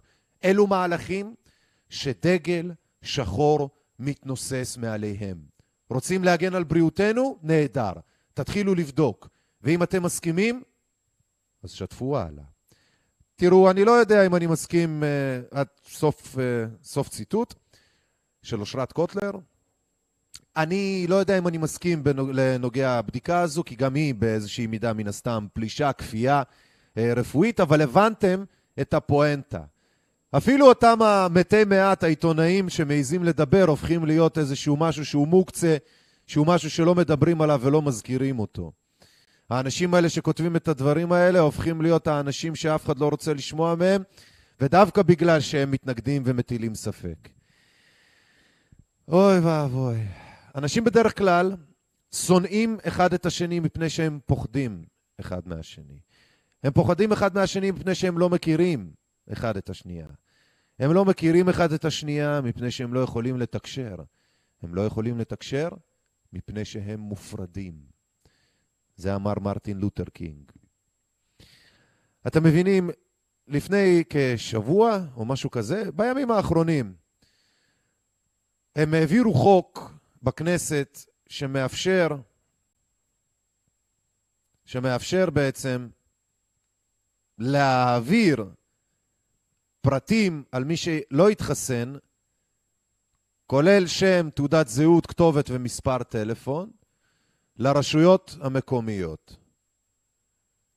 הם הציעו, ותוך שנייה, זה בעיה ממש, אתם לא מבינים איזה מהר הם העבירו את זה. החוק נועד להעלות את כמות החיסונים בקרב אלה שנדמה להם שאולי לא צריך להתחסן. כך אמר חיים כץ. אתם מבינים? על טענות לפגיעה בפרטיות השיב כץ, האם ערך הפרטיות חשוב יותר מערך החיים? ואני שואל את מר כץ, האם החיים זה לא סך כולל של זכויות, וביניהם זה הפרטיות? חתיכת טיפש? כי בלי זה אתה בכלא, נשמה שלי. ונכון, אפשר לחיות גם בכלא, אבל אנשים נמנעים מזה בכוונה, להיכנס לכלא, כן? כי אין בו דבר חיובי. הוא מנסה להסתיר את כשלי הקורונה. מפלגת העבודה, יושבת ראש מפלגת העבודה מירי מיכאל, מירי, מרב מיכאלי, האשימה את ראש הממשלה שהוא מנסה להסתיר את כשלי הקורונה ביחסי, ביחסי ציבור והסתרה של מידע ששייך לאזרחים. והיום הוא לוקח לאזרחים את הזכות לפרטיות על המידע הרפואי שלהם. כן, חברת הכנסת מיכאלי, מי ישמע כאילו את לא היית רוצה להיות במקום שלו. גם חברת הכנסת תמר זנדברג הביעה את התנגדותה לחוק ואמרה, לא, ש... לא שהיא הביעה התנגדות לחיסונים, כן? והיא אמרה כי העברת נתונים כאלה היא מדרון חלקלק והוא עלול להגיע לגורמים אינטרסנטיים רבים. תבינו, תמר זנדברג, כן, שדחפה, שדחפה את הפשיסטים, כן, בלי להבין שזה חלק ממה שמגיע איתם ביחד, עכשיו פתאום מתנגדת. יש פה סכנה לפגיעה באמון הציבור, יש כאן יד קלה מדי על ההדק בהעברת חוקים שכוללים פגיעה בפרטיות של אזרחים. במקרה הזה העברת מידע רפואי אישי ורגיש מבלי שמוצו כל האפשרויות האחרות. אין שום סיבה להעביר לכם את הפרטים. על פדופילים אסור להעביר פרטים לרשויות המקומיות, כי זה צנעת הפרט שלהם. ועל בעלים מכים או נשים מכות, כי יש גם נשים מכות, תתפלאו. ועל כל מיני כאלה אנשים אסור להעביר את הפרטים שלהם לרשויות מקומיות, צנעת הפרט אסור. אבל מי שלא יתחסן, תראו איך הם כותבים את זה? החוק נועד כדי להעלות את כמות החיסונים, כן? בקרב אלה שנדמה להם שאולי לא צריך להיחסן. נדמה להם. כאילו בן אדם עשה החלטה, והם, מה זה, מה זה החלטת? מי שואל אותך בכלל? ככה הם כותבים, כן? נדמה לך שהחלטת שאתה לא צריך להתחסן. אבל אנחנו צריכים להעלות את כמות החיסונים. ככה הם כותבים. ככה הוא אומר, חיים כץ, כן? יושב ראש uh, הוועדה, חיים כץ. והם כולם עבריינים, שתבינו. יש פה, קיבלתם עכשיו uh, פתק לבוחר כדי ללכת לקלפי ולבחור. מי חתום על הפתק? שר הפנים. מי הוא שר הפנים? עבריין מורשע, כלב בן כלב. עבריין מורשע. חברים, תראו, זה פשוט, זה מדהים איך הם כופים עלינו תהליכים רפואיים שחבל על הזמן. פשוט מדהים אותי, מדהים אותי כל פעם מחדש. אני רוצה שמן הסתם יש לנו, יש לנו ארסנל שלם של אנשים שמדברים נגד הדברים האלה. אני רוצה שנשמע את דוקטור יואב יחזקאלי, מה שהוא אומר נגד כפייה. כל אחד כזה עולם ומלואו, וזה באמת טרגדיות, אבל באמת צריך לקחת את הדברים בפרופורציה. הסיכון משפעת לאנשים צעירים הוא גבוה יותר מהסיכון מקורונה. כל שנה מתים הרבה מאוד אנשים משפעת, ובכל זאת החיסון לשפעת הוא לא חובה, הוא לא חיסון חובה. ממליצים, משכנעים, יש לא מעט אנשים שמתחסנים, בוודאי צוותים רפואיים, וטוב שכך, אבל לא סוגרים את המשק, ולא מכריחים אנשים להתחסן. איך אתה שה... חושב שזה, לאן זה יתגלגל לדעתך? כי בכל זאת אנחנו לא בימי הביניים, יש בתי משפט, יש יותר אנשים שיודעים ויכולים לעמוד על זכותם להחליט תראה, להתחסן אני, או לא להתחסן. אני, אני מאוד חרד, גם כרופא, על כך שהנתונים של המחוסנים, על פי החוק שעובר עכשיו, יועברו לרשויות המקומיות. הרי זה נתון רפואי, זה נתון אישי, למה זה צריך לעבור לרשויות המקומיות? למה זה צריך לעבור מקופות החולים, לגורם לא רפואי. אני לא מוצא, אני חושב שכל הצעדים שננקטים כתגובה למגיפה צריכים להיות מידתיים בהתאם להערכת הסיכון הרפואית והאפידמיולוגית. אני חושב שהמצב איננו מצדיק נקיטת צעדים כאלה דרקוניים ופגיעה בזכויות הפרט, פגיעה בחיסיון הרפואי, וצעדים שבפועל משמעותם כפיית חיסונים על אנשים. כי אם אנשים לא יוכלו להגיע לעבודה אם הם לא מחוסנים, הם יהיו חייבים להתחסן, ואני חושב שיש פה באמת צעדים... בהחלט, ש... כן, יש פה אתגרים, אני מסכימה. דוקטור יואב יחזקאלי, תודה רבה שהיית איתנו. אתם רואים את הדברים האלה, אתם שומעים את הדברים האלה. זה לפני, בפניכם הדברים האלה. זה פשוט כל כך, כל כך, כל כך מוזר. שהרופאים הטובים האלה אומרים את הדברים, מעטים מהם, ומתייחסים אליהם במין, כאילו זורקים אותם לכל מיני uh, מקומות חבויים שלא ידברו, שלא ישמעו אותם. אם כבר הם עלו לטלוויזיה, אז שיהיה בכל מיני מקומות שאף אחד לא אכפת לו. אז uh, במקרה הזה אתם שומעים את הדברים. יש פה סכנה חמורה, ברורה, מיידית, שאין לה שום קשר, עוד פעם. הם יגידו לכם שזה בגלל הקורונה. תשכחו מהקורונה, חברים. נגמר הקורונה. עכשיו יש רק כפייה ויש רק פשיזם שצריך לעצור אותו. כי הם התרגלו, נהנו, לא יודע מה, מבסוטים, אני לא יודע מה הם חשבו לעצמם שהם עושים שם. אני רוצה שנדבר, ממש עוד כמה דקות, אנחנו נדבר על... אנחנו נדבר עם חברנו הביולוג בועז, תכף לפני זה אני רוצה שתשימו לב, היו לנו פה גם בנוסף הרי לדיבורים על הקורונה והצנזורות השונות שהם עשו, אז uh, בכלל הרעיון שמצנזרים את האנשים, את הרופאים, את המידע הזה הוא לא חדש הרי, כן? כאמור אנחנו מדברים על זה לא מעט פעמים. הם מצנזרים את כל מה שקשור להסכמים השונים שישראל עושה עם כל מיני מדינות כאלו ואחרות מסביב בתקופה האחרונה, כן? מספרים רק מעט כדי שתדעו. עשו שלום כאילו עם, עם האמירויות, אבל צנזרו את העובדה שזה היה בשביל צינור נפט ולהעביר אותו דרך גם סעודיה ועוד כל מיני מקומות כאלה. אומרים לכם שזה כאילו שלום, אבל זה צינורות נפט שבסך הכל נועדו לביזנס נטו, פרופגנדה נטו. מצנזרים לכם את זה שילדי התימן, תימן והבלקן נחטפו, כן? את כל זה הם צנזרו. אה, צנזרו לכם את, ה... אה, צנזרו לכם את העניין של הקורונה ל-30 שנים אה, קדימה. כל הסעיפים הסודיים האלה של בין פייזר לישראל, כן? גם זה הרי מן הסתם מצונזר. ותזכרו הרי שביבי נתן את החיסונים לסורים, כן? גם זה מצונזר. הוא נתן תמורת איזה מישהי לא ברורה שחזרה לארץ, שהחזירו אותה, ועוד כל מיני אנשים שלא רצו לחזור וזה, אז הוא נתן להם חיסונים, צנזרו את זה, ביבי נתן לסורים ועוד כל מיני כאלה.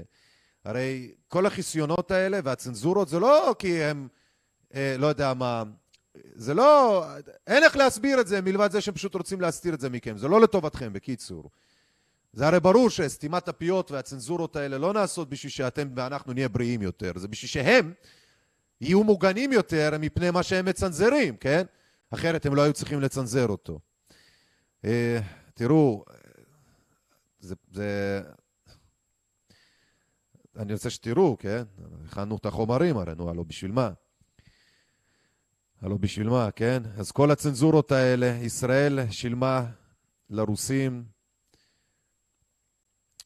גורמים בכירים בממשלה, אוקיי, ישראל שילמה לרוסים תמורה שבשלב זה נשארת חסויה. ככל הנראה יש צו איסור פרסום, שאחר כך הובן שזה היה אה, החיסונים, וכמובן סעיף סודי בעסקה לשחרור הישראלית, ישראל רכשה חיסונים עבור סוריה. אין, הם אוהבים לצנזר, אלה הכל. ומה שיש לנו פה זה הקו דה גרה, זה ה... אי אפשר לקרוא לזה דובדבן שבקצפת, כי זה פשוט קטסטרופה. פיצוי כספי למשפחות ילדי תימן, המדינה הביעה צער על הפרשה. איך את מביעה צער על מה שאת אומרת שלא קרה? לא הבנתי.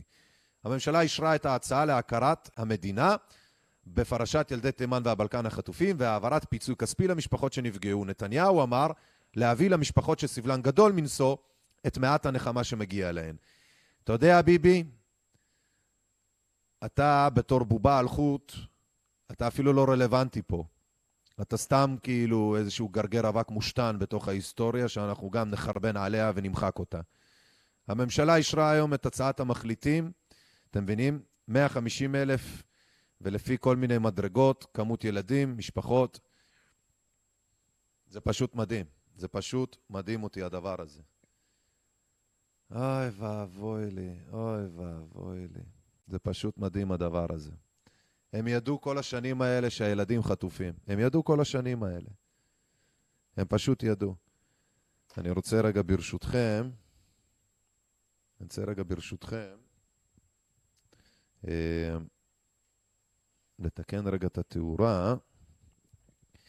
אי אפשר להמשיך עד שאנחנו לא נעשה את זה כמו שצריך, הרי אתם יודעים. Okay. now we're talking. Now we are talking. אני פשוט uh, לבד באולפן היום, אז ככה שיהיה הביסלה מאתגר. Uh, תכף, אני רוצה שנשים כמה צלילים עוד רגע ונעלה את בועז לשיחה. בואו נראה מה אנחנו בתוכניה. אנחנו, תראו, מספיקים יפה מאוד היום. אנחנו מדברים, למי שמצטרף, אנחנו מדברים על כל הפרוורסיות שהשלטונות עושים ואיך הציבור בעצם מתמודד עם הפרוורסיות האלה. השופטת, אה, השופט, סליחה, סטרשנוב ביטל לצמיתות את רישיונו של דוקטור אריה אבני, שקרא להפר את ההנחיות הקורונה והחליט להתמודד גם לכנסת, אותו אריה אבני. אף גוף תקשורת לא פרסם את הצד של דוקטור אבני, אז uh, היינו רוצים, אני הייתי רוצה להקריא לכם או להראות לכם את מה שהוא כתב. אתם יודעים מה? בואו פשוט uh, נקריא זריז ואני אעלה לשיחה. מכתבו של דוקטור אבני אחרי ששללו לו את uh, רישיון, ה, הרישיון הרפואי שלו. הם קראו לי קונספירטור בתקשורת, במשרד הבריאות, במשרד ראש הממשלה. איני היום הקונספירטור היחיד. יש המונים. ולשם מחיקת דבריהם שלא יישמעו קולם, השקיע משרד הבריאות 12.5 מיליון ש"ח מהמיסים שלנו וגם ראש הממשלה הוסיף סכום למבצע, גם הוא, מהמיסים שלנו. למען האמת, לא בדיוק ידעתי מה פירוש המילה הלא עברית הזו. הם קראו לי גם מכחיש קורונה. למרות שכל אחד יודע שאי אפשר להכחיש קורונה, ממש כמו שאי אפשר להכחיש חצבת או אדמת או שפעת. האם באמת נגיף הקורונה קיים? ברור שכן. אפילו צולם, במיקרוסקופ אלקטרוני. האם נגיף הקורונה הורג? בוודאי שלא. למעט את אלו שהולכים למות. וכל שנחוץ כדי שימותו היא טיפת זיהום קליל, כמו שפעת, כמו קורונה. אז מה פירוש המילה קונספירטור? קונספירטור הוא מי שקושר קשר, מורד, זומם. האם אני נראה לכם קונספירטור?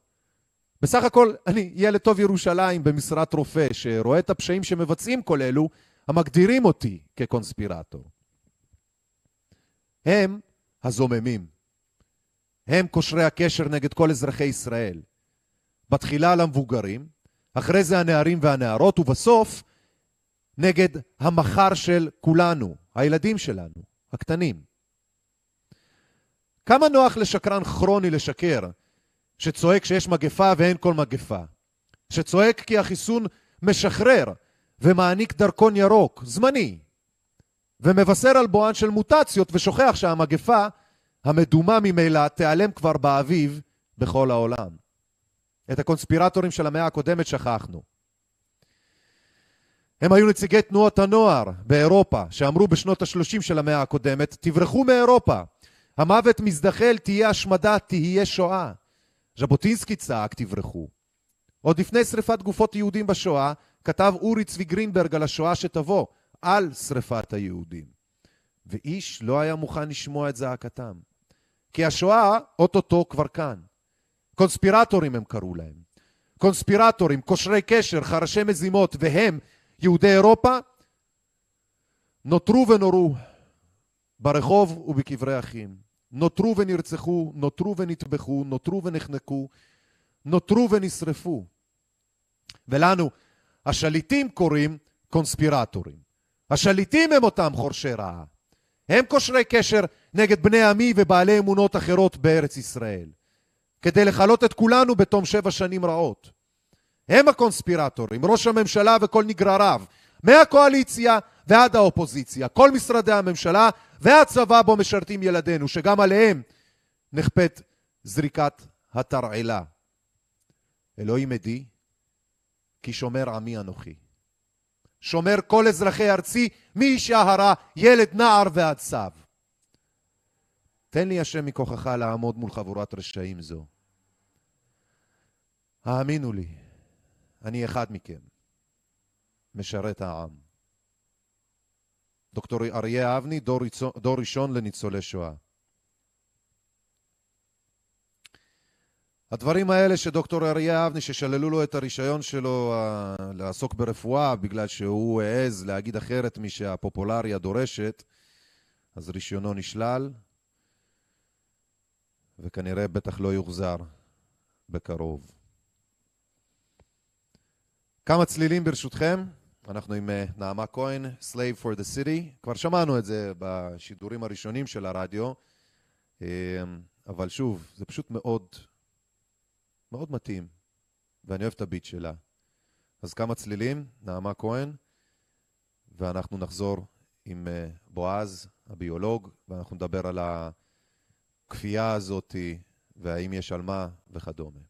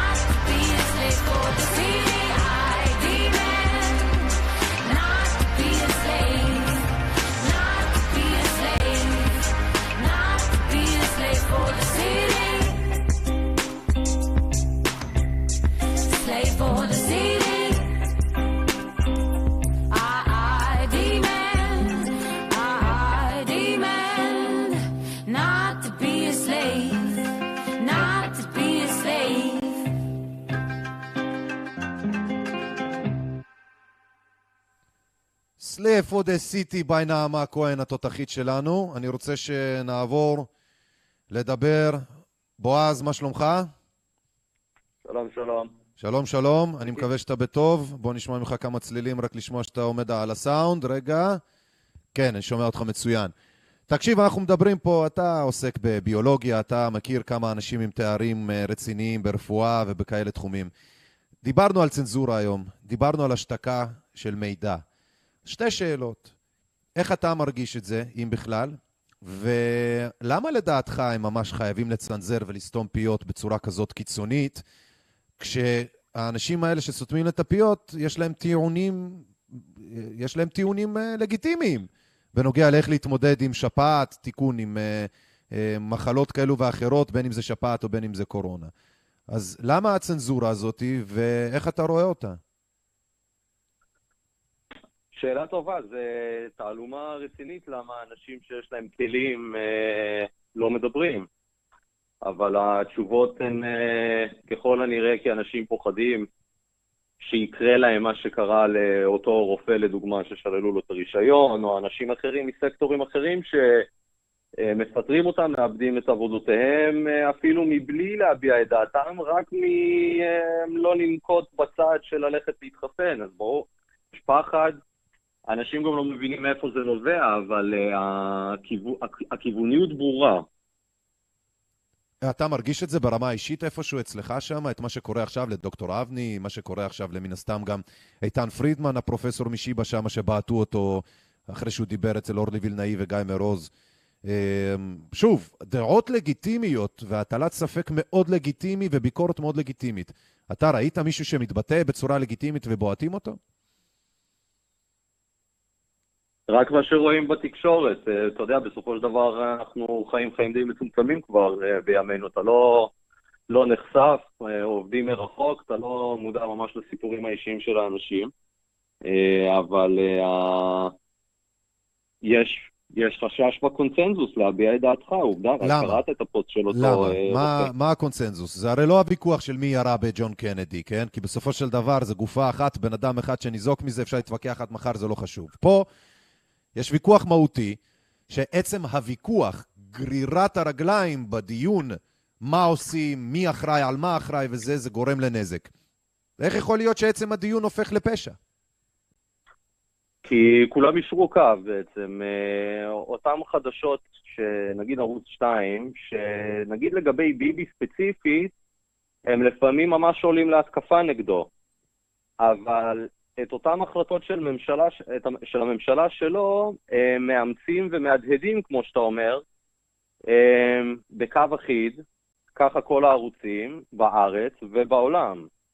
אה, כל אחד בתזמון שלו, אבל התופעות הן גלובליות, זאת אומרת, במיוחד אנשים שהם קצת יותר מחוברים לעולם המדע, הם אה, יותר אה, בעצם בינלאומיים, ואתה יודע, החיים שלהם קצת יותר אה, מסועפים מאשר של אנשים שכל עיסוקם זה אה, עניינים פנימיים בארץ, ולכן כשאתה חלק מקהילה בינלאומית שהשיח אה, בעצם ברמה העולמית הוא אותו שיח, נוצר חשש, במיוחד אצל אה, גורמים מקצועיים. זאת אומרת, הדעות של אנשים עוברות באימיילים ובשיחות אחד על אחד שכאלה, אבל לא, לא באופן פומבי. אני רוצה לשאול אותך, אתה באמת עוקב אחרי הנתונים, אחרי המספרים. יש ממה לחשוש? זאת אומרת, הצנזורה נעשית אה, אה, כדי לכסתח משהו? אתה רואה כסתוח של משהו? משהו ש, ש, שלא יושב כמו שצריך? דיברנו מקודם בפרטי על, על המחקר שהם עושים בעקבות הניסוי של, ה, של החיסון בישראל, אז קופות החולים אוספות את הנתונים, שזה בעצם המחקר. אתה רואה נתונים שאם אתה מהצד השני אה, מסתכל על זה, אתה אומר, וואלה, צריך לצנזר את זה שהציבור לא ידע? שוב, אין אין פה צנזורה, הם אה, מציגים נתונים בסופו של דבר, אבל אה, הם, נת... הם מציגים נתונים, אפילו התוצאה של המחקר של כללית הוא תחזיתי. זאת אומרת, הוא מתבסס על הערכות שהם עשו 24-42 ימים מאז החיסון הראשון, אוקיי. שם זה נגמר, והם פשוט נותנים תוצאה של אה, 95% בהסתכלות קדימה, 95% יעילות, כאילו... זה- כן, כן, בהסת- בהסתכלות קדימה, זאת אומרת, אפילו זה הערכה, כלומר, למה אתם לא מדברים, כמו שנעשה במחקר של פייזר, לא מדברים על הנתונים הגולמיים, כן. רק מדברים על פרדיקציות ומעקמים את ה... בעצם את ה spotlight לאן שהם רוצים. מבלי להיכנס לזה יותר מדי, מומלץ לכל אחד פשוט להציץ על, ה... על הקבוצות ניסוי השונות שיש, המחקר זמין.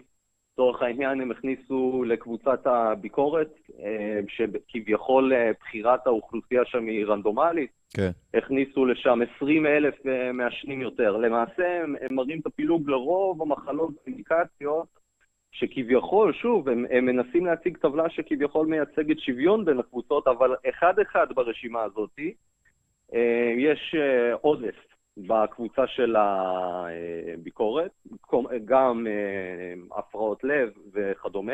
הם בעצם לקחו, הם ש- בעצם, הם בעצם לכלכו את, ה, את הניסוי בצורה כזו שתיטיב עם התוצאות, או שבהכרח תוציא תוצאות טובות לחיסון.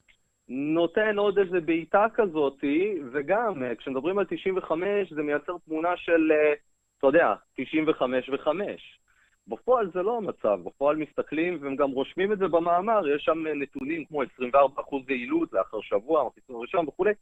כל הנתונים שלא ממש נראים להם טוב, הם רשומים בגוף הטקסט או בנספחים, אבל והם לא גולת הכותרת של המחקר. דרך אגב, מה שבאתי לסיים, רק משפט מקודם, כן. הקבוצה היחידה שבה יש עודף של נבדקים דווקא לקבוצת הניסוי, זה איכשהו אנשים עם BMI גבוה. יש שם עודף, וזה תמוה, זה כאילו הם דווקא מנסים להחמיר עם עצמם קצת, אבל הנה, מתפרסמים גם עכשיו כותרות לפיהן אה, אנשים עם BMI גבוה הם אה, בסיכון אה, מוגבר ולכן צריכים חיסון שלישי. אוקיי. אז אתה יודע, הנה, אה, הנה הם הגבירו את הקבוצת אה, ניסוי שלהם עם אנשים מהאוכלוסייה הזאת, גם בשביל לחזק את הנקודה. קיצור, צריך להסתכל על הנתונים. האם יש ממה לחשוש מלדבר על הנושא הזה? כן, כי בסופו של דבר, הרוח הנושבת מעל כל הדבר הזה זה שמתנהל פה משהו קצת יותר גדול מזה. אה, אבל הכלי ללנווט את הספינה הזאת לפרדיגמה החדשה, היא לצערנו הקורונה. אמ, זה מה ש... זה הכלי שבחרו אה, להוליך את האנושות למין צעד, אתה יודע, צעד קדימה ביניהם. השאלה הכי גדולה שנשאלת, אני יודע שזה אולי גדולה מדי לעכשיו ולזמן שיש לנו, ואולי בשביל התחום הידיעות שלך, אבל מלא אנשים מנסים להבין מה, למה, למה שזה, ייק- למה שהם יעשו את כל הטרחות האלה, את כל ההטרחות האלה, למה? הרי אנחנו רואים שזה לא המגפה, אנחנו מבינים שהם דוחפים לחיסונים ולעניינים, אבל למה?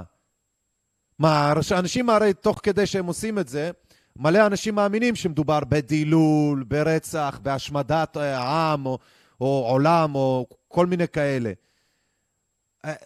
איפה לדעתך מונח הסיבה של מה, למה הם עושים את מה שהם עושים? מה, למה הם רוצים לחסן או לדחוף לחסן את כולם, אם זה לא הקורונה? מה יכול להיות הסיבה האמיתית? לדעתי זה הולך לכיוון של אה, דירוג אזרחי, ציון, כל אחד יהיה לו בפלאפון שלו. השלטת נורמה, אתה אומר בעצם, זה בעצם השתתת נורמה.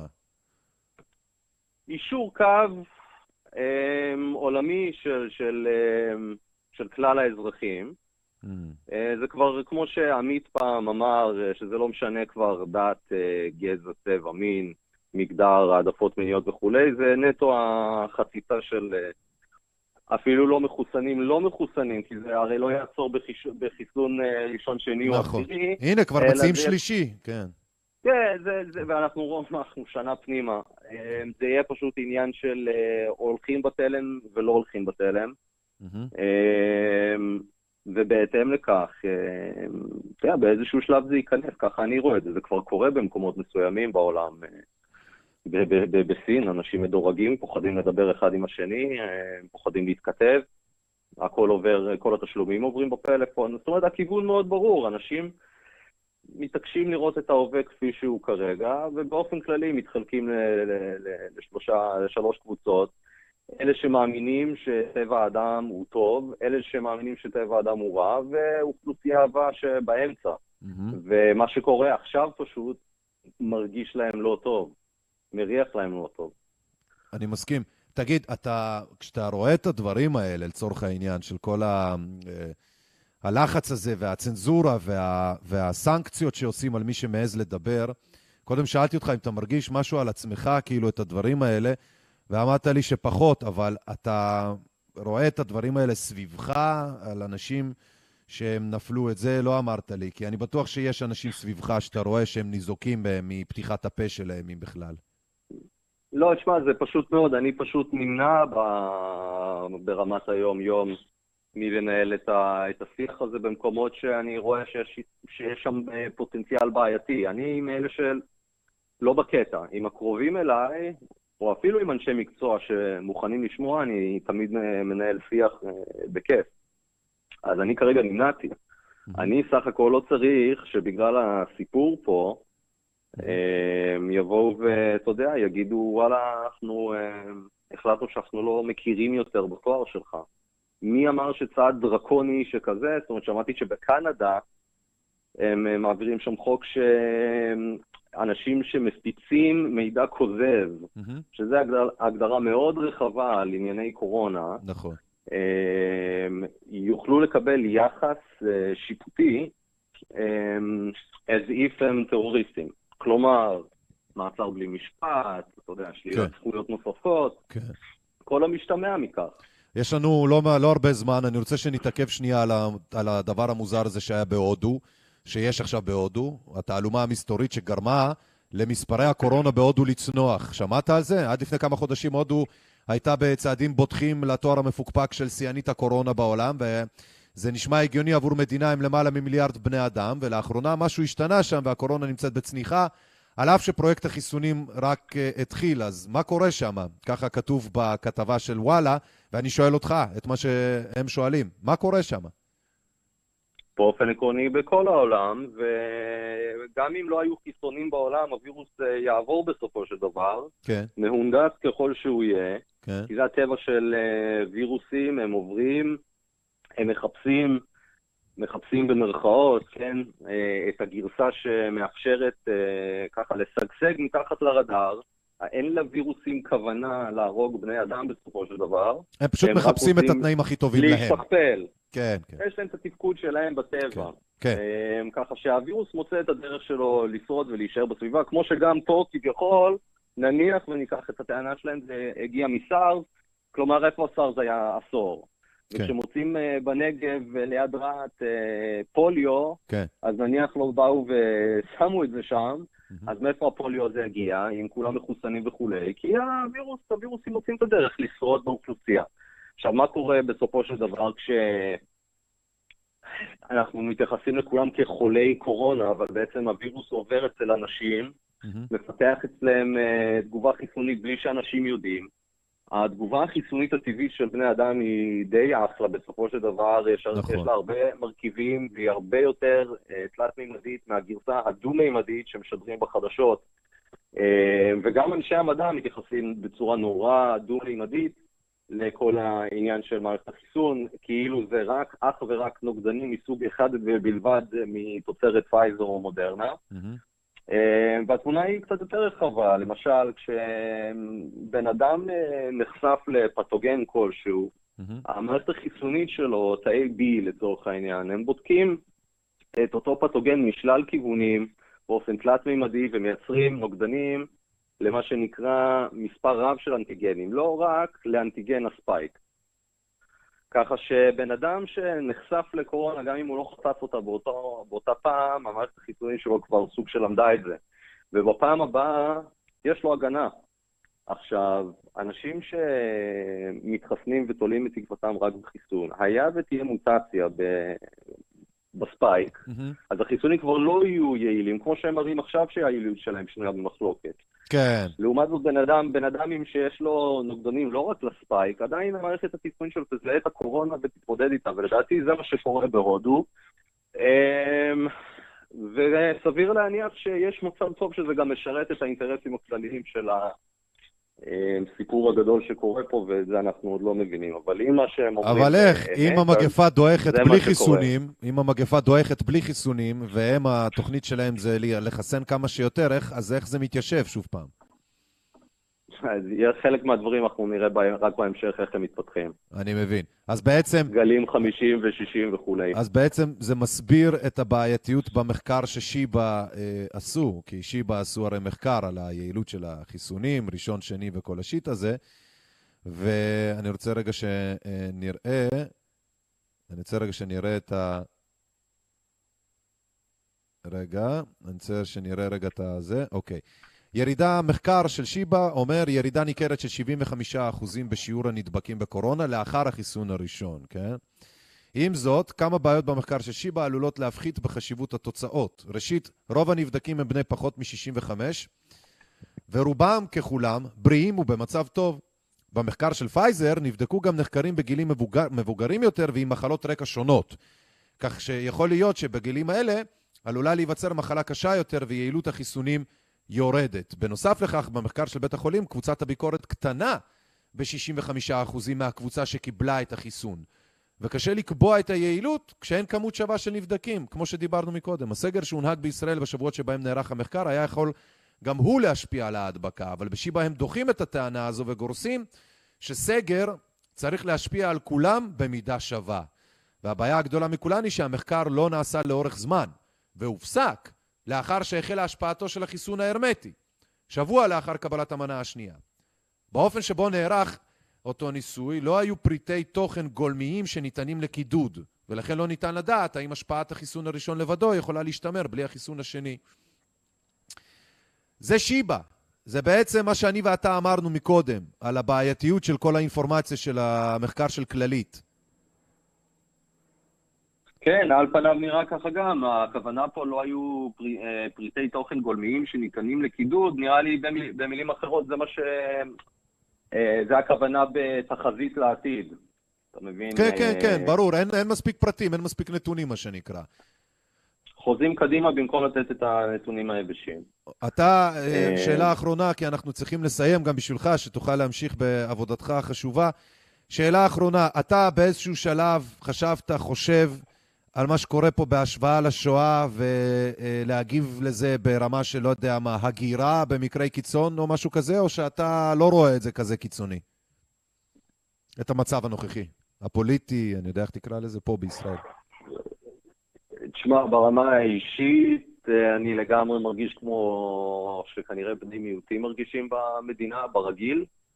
אני, אה, אני הייתי אומר שאני אוהב את מה שאמרת, אבל אני מכבד את מה שאמרת, זה, זה מרגיש לי כנכון מאוד מה שאמרת, אוקיי? כל, כל קבוצה שמרגישה כמיעוט איפשהו כרגע, וזה אווירה עולמית.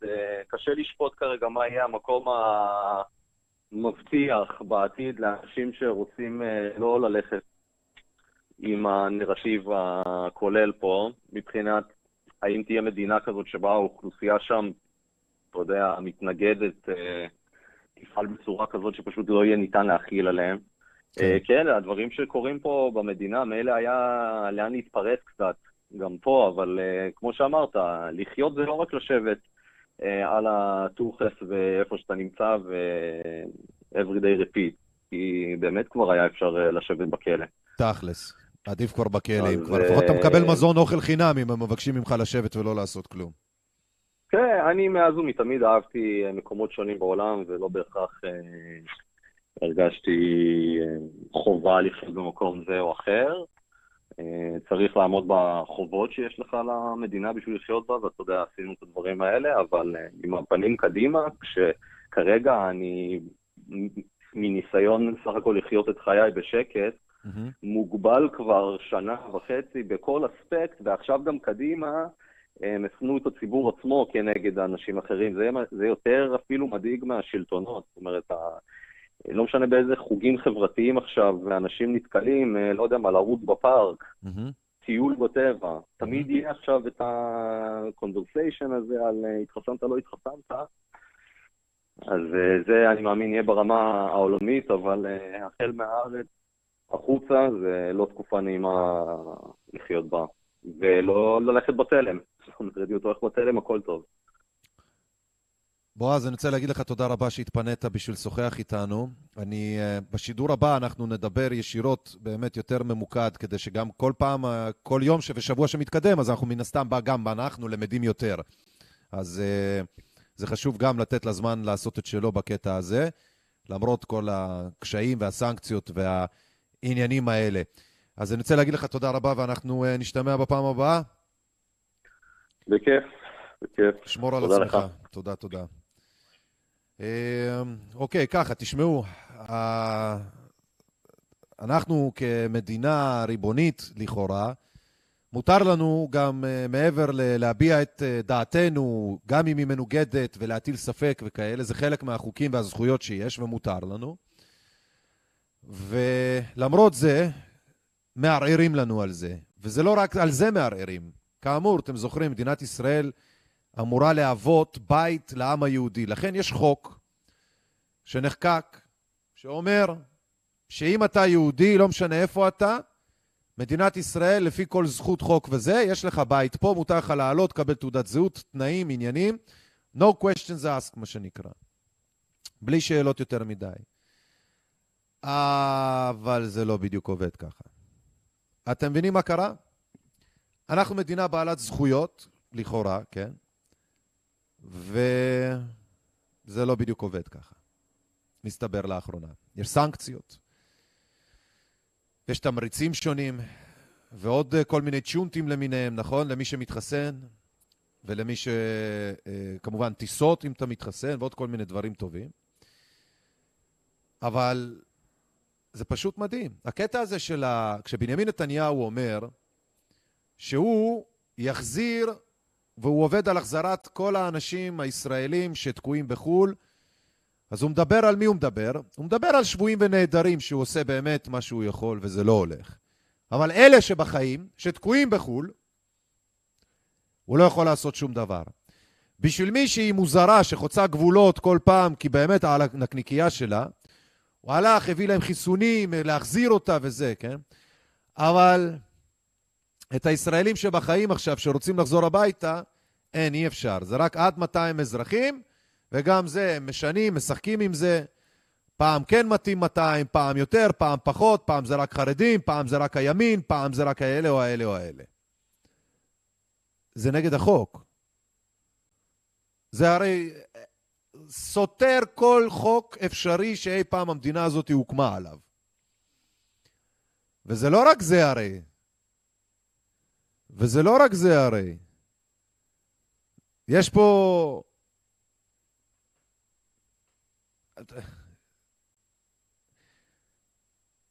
זה ההבטחה של ראש הממשלה שהוא יחזיר אנשים כשזה רק פוליטי וזה מעניין אותו, אז הוא עושה את זה שניים, שלושה אנשים, וכל השאר בישראל, כל החיים האלה הוא לא יכול, כן? בעיקר גופות הוא יודע להחזיר. או חיילים שיושבים שם, מה שנקרא, כמו, אה, נו, איך קוראים לו? גלעד שליט וזה. אז הוא נתן לו להתייבש חמש שנים עד שזה היה רלוונטי פוליטית, ואז הוא הלך להוציא אותו. אה, רגע, אני רוצה להראות לכם.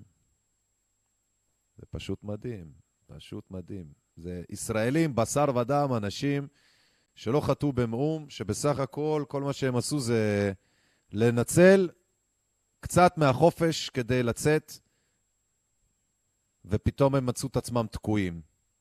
הנה. כופים עליהם שהות לא חוקית בארצות הברית. זה פשוט מדהים. עכשיו, אני אמרתי לכם, אתם זוכרים? שנה שעברה, אל תצאו לחו"ל כרגע, אל תזה, אלא אם אתם הולכים להישאר שם לכל הזמן. בגלל הדברים האלה. בדיוק בגלל הדברים האלה. ואתם זוכרים מה שאמרתי לכם? שלא תהיה שגרה כמו שחשבתם. וזה בדיוק הכותרת שקיבלתם פה, כן? שגרה חדשה, זה מה שהם רוצים, זה מה שהם רוצים, זה מה שהם כותבים. זה מה שזה. אנשים שתקועים. נראה שההבדל היחיד בין אלה שבקשתם אושרה לאלה שבקשתם סורבה, הוא ככל הנראה חוסר מזל. אבל לא, זה לא חוסר מזל. זה פשוט פוליטיקות שהם לא מודעים אליהן. א', בן 42 מכפר סבא, הזהיר את הוועדה כי הפסיכולוג המליץ שיתאספס בישראל וכי הוא חש ברע ושיש לו מחשבות אובדניות. היא לא אישרה את בקשתו והוא שם קץ לחייו. כמה דפוק זה נשמע, כמה כאילו על מה העניין וזה, אבל אתם לא יודעים לאף פעם באיזה מצבים נמצאים אנשים ואיך הם רואים את מה שהמציאות הזאת מראה להם. הנה עוד סיפור. לא יצאתי לטיול, לא טסתי לבלות ולא ביקשתי לחפש הזדמנות כלכלית. יצאתי כדי לרכוש מומחיות נדירה בתחום חקר הווירוסים שהייתה חסרה בישראל וחסרה במיוחד בתקופה הזו. דוקטור אורלי לאופמן, מדענית לחקר וירוסים, בעלת שם עולמי, כן? ממכון ויצמן. כן? מכון ויצמן, האלה שגם ככה כאילו עסוקים בלהפיץ fake news שגורם לה להיתקע. דוקטור לאופמן, אני רוצה, מה שנקרא, להגיד לך שתהיי בריאה, שתהיי בטוחה, ושכשתהיי ליד הטלפון, צלצלי למכון ויצמן להגיד להם שהם fucking fake news, אנחנו שרמוטה. הם והנס ציון האלה, סליחה על הבוטות. סיפרו לכם ולנו על חיסונים, חזרה לשגרה, תחזרו לטוס, תוכלו לצאת ללכת, תהיו רק ממושמעים, רק תשבו, רק תשימו מסכה, רק תדפקו לעצמכם כאפה ובוקס ונוגרה ונגיחה על השוטר הזה שפה לידכם, רק תחטפו איזה דוח, רק תשבו עוד שלושה גלים, רק תעשו פה, אל תתפגשו, תתבודדו. עשיתם הכל, לא עבד. חברים, מכון ויצמן, אולי תפטרו את עצמכם או את מה שזה לא יהיה. תראו, אתם גורמים, גורמים לדוק, לדוקטור אה, לאופמן לסבול בגללכם, בגללכם. זה פשוט מדהים אותי. זה פשוט מדהים אותי. איי, פשוט מדהים אותי. בואו נראה, אתם זוכרים את החופש לתנועה? דיברנו על זה עכשיו, באוויר, בים וביבשה. אז מדינת ישראל אוסרת על כ-170 אלף תושבים לחזור. הנה, אתם רואים, דוקטור לאופמן ביניהם. הרי לא תחשבו מרשק הזויים כמוני. אני לא האבל כמו העדר. אני יושב סוכה, עושה את הדברים כמו שצריך, שלא יראו, לא ישמעו מה שנקרא, את מה שאתה לא צריך. עושים את הדברים בשושו וזה, וכמה שאפשר מתחת לרקדן. אז אני אין לי בעיה, לא מתכנן נסיעות גדולות, לא מתכנן תארים גדולים, ולא אהבל שמאמין למכון ויצמן, ואז יוצא ונוסע ומקבל בשושמנה. איי, אני רוצה שתראו רגע איזה סרטון קצרצר על uh, סגירת השמיים. תכף נדבר, גם נזרוק קצת טיפה פיקנטריות של האזיק האלקטרוני. איי, סגירת שמיים. זה לא יאומן שיושבת שם פרופסור אלרי פרייס ואומרת, אכיפה לא עובדת, אז מה עושים? היום שרת התחבורה, שר הבריאות וראש הממשלה מסכמים ביניהם שבגלל שאי אפשר והבידוד במלוניות בישראל לא מצליח לעבוד כמו שצריך, אז סוגרים את השמיים עוד יותר. אנחנו... עוד יותר זה אומר עד 200 ישראלים שיכולים לנחות בישראל? לא יותר מ-200 ישראלים, ביום יש 170 אלף. כמה מחכים ל... 170 אלף ישראלים שרוצים לחזור הביתה, לפי הנתונים שבידי. 170 אלף אנשים. אנשים שיצאו לעבודה, אנשים שיצאו לשליחות, אנשים שיצאו לבקר קרובי משפחה חולים. אני מקבלת הודעות קורעות לב מאנשים שנקרעו מהמשפחה שלהם בארץ, רוצים לחזור למדינה שלהם. אין להם כסף, נגמרת להם הוויזה, ועכשיו מחליטים לסגור עוד יותר, לצמצם עוד יותר. רגע, רגע, רגע, כן? דיברנו על ענישה קולקטיבית. זאת ענישה קולקטיבית של אנשים שצריכים להגיע לארץ שלהם גם באוסטרליה ובניו זילנד ובטיוואן ובהונג קונג ובכל האיים שאנחנו מסקרים כמה מדהים שם, נותנים לאזרחים לחזור הביתה. איפה אז? מה שהם הציעו לך, רגע, רגע. הזיכרון הזה זה פלופ, סליחה. אתם מבינים, חברים? זה בסוף הרי, היא מעצבן אותה, כן? היא לא יכולה לטוס, והיא טסה כל הזמן בשביל התוכניות שלה, ולא נותנים לה, וסוגרים, ולה, ולאחרים, ולנורמלים, ולתומכי החיסונים, ולמתחסנים, ולמפגרים שדופקים נוגרות, יעני, למשקופים של בתי חולים כל שני וחמישי כי הם סתומים אש. זה בדיוק מה שקורה, לצערי הרב. זה בדיוק מה שקורה. בואו נדבר רגע על המצור. בואו נדבר רגע על המצור. רגע, שנייה. ישראלים במצור.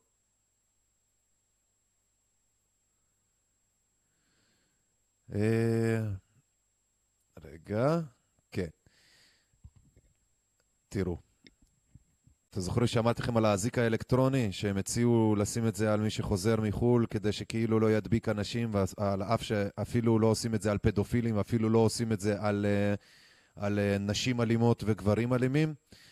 אלפי אזרחים במצור, בינתיים בוועדת החוקה התנהל דיון סוער בשאלת איסור החזרה לארץ ושאלת הבידוד במלוניות. תזכרו שזה שידור שהכנו לכם כבר לפני שבוע ימים, ופשוט אה, אה, המידע טיפה השתנה, אבל אתם מבינים, זה על אותו עיקרון, כן? לאלה שכן מצליחים להיכנס לישראל, חבר הכנסת אלכס קושניר מישראל ביתנו תקף, יש אלפי אזרחים שנמצאים כרגע במצור במרחב הפוסט-סובייטי, ואין להם דרך לצאת החוצה. אני הולך לתת להם את הטלפון האישי של כל הפקידים במשרד הבריאות ובמשרד התחבורה, כדי שכל אלה ששולחים אליי אס.אם.אסים ישלחו גם אליכם.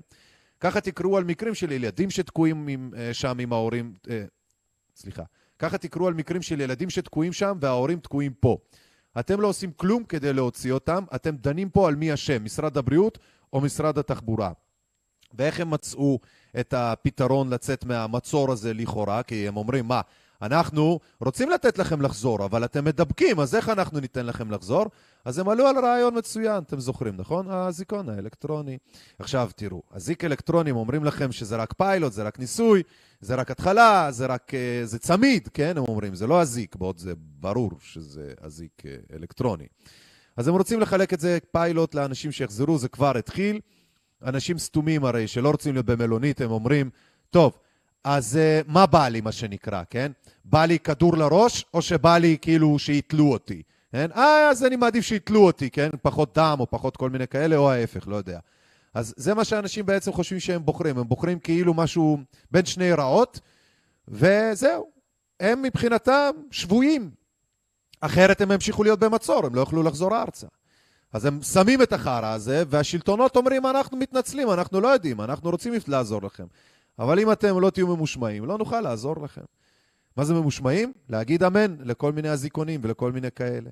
וזה לא חוקי בעליל, זה מסוכן בעליל, זה פשוט לא חוקי ומסוכן, אין איך להסביר את זה אחרת. אין איך להסביר את זה אחרת, זה לא, זה לא מסובך.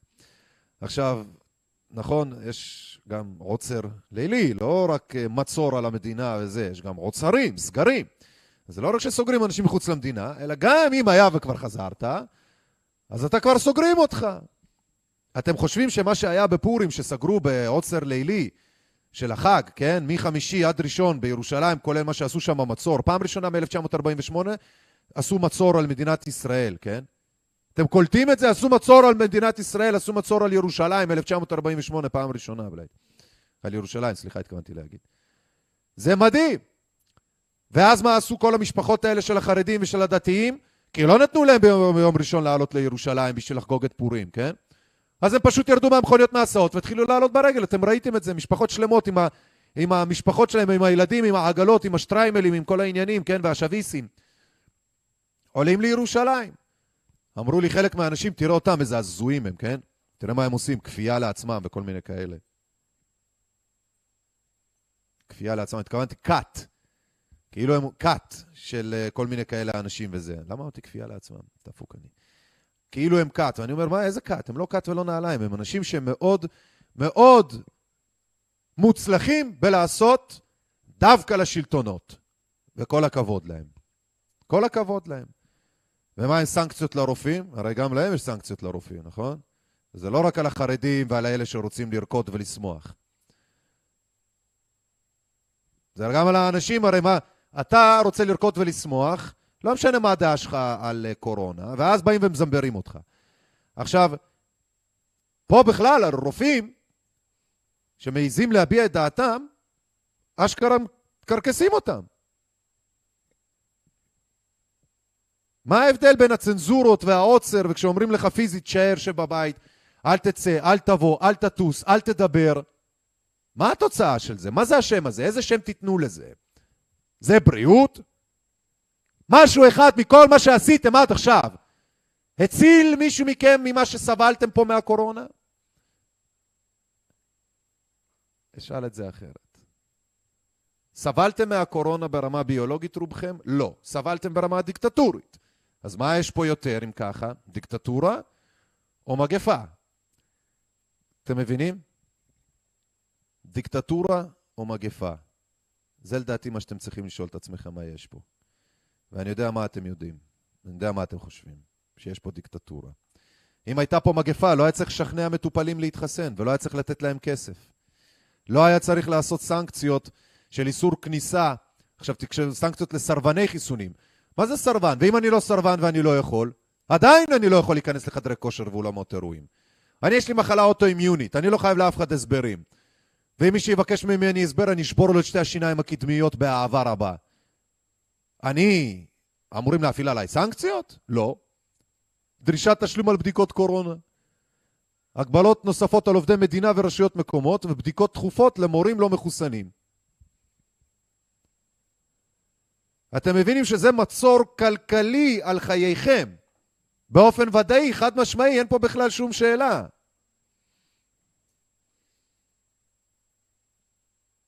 כן, אם זה לא עובד במקל, זה עובד בגזר, בדיוק. בדיוק ככה, אם זה לא עובד במקל, זה יעבוד בגזר, ואם זה לא יעבוד בגזר, זה יעבוד במקל. נו, נען. הבנתם, הבנתם למה אני מתכוון, זה הכי חשוב. אה, הנה פה. אה, אני... סליחה רגע.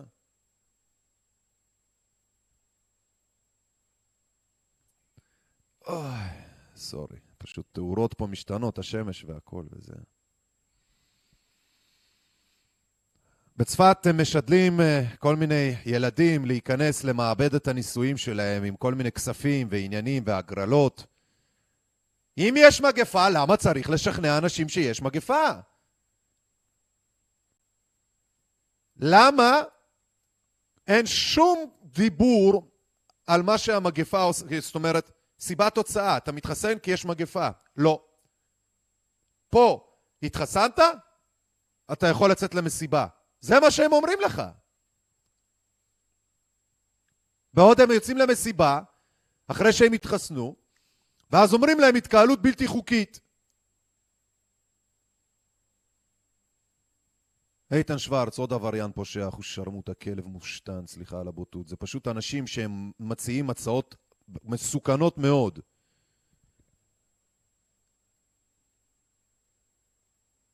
הפתעות שוות למתחסנים. צ'ונט, חדרי כושר, נכון? איזה יופי. כל זה איננו קשור למגפה. גם מה הם אומרים לכם? הנה, תשימו לב, הם קלטו. בלי עובדים, התו הירוק הוא סתם חרטא, הוא צ'ונט, כן? כי הרי ברור שאם העובדים לא יגיעו לעבודה, אלה, כל אלה שהם לא מחוסנים, כל אלה שלא יכולים להתחסן, אז איפה, מה תפתח? זה פשוט מדהים. אז לא מדובר בשמירה על בריאות הציבור, אלא בעוד צעד לעודד התחסנות. בדיוק כמו צ'ונט בבני ברק או כנאפה ביפו. זה פשוט מדהים. זה הכל קמפיין. נכון להיום אין חובה חוקית על העובדים להציג תו ירוק, אלא על ציבור הלקוחות בלבד. שגם זה לא חוקי כשלעצמו, ואכן כל עוד אין חקיקה, מעסיקים לא יכולים לחייב את עובדיהם להתחסן. כי הרי חובה היא לחסן את הנכנסים בשערי החדר כושר, אבל זה לא, אין חובה כזאת על העובדים של החדר כושר. אתם מבינים? אותו הדבר במסעדות, אותו הדבר בבתי הספר. זה פשוט מדהים. כשלא משגעים אותנו בהנחיות סותרות, אז מספקים הצהרות ללא כיסוי. וגם כשפועלים בצורה נכונה ומהירה, כמו עם מבצע החיסונים, לא סוגרים את כל הפינות. העיקר שראש הממשלה ושר הבריאות יכולים להצטלם עם ולהתבדח על סקווטים. זה אנשים שנולדו כתוצר לוואי של סקווירט. באימא שלי, squat in my ass.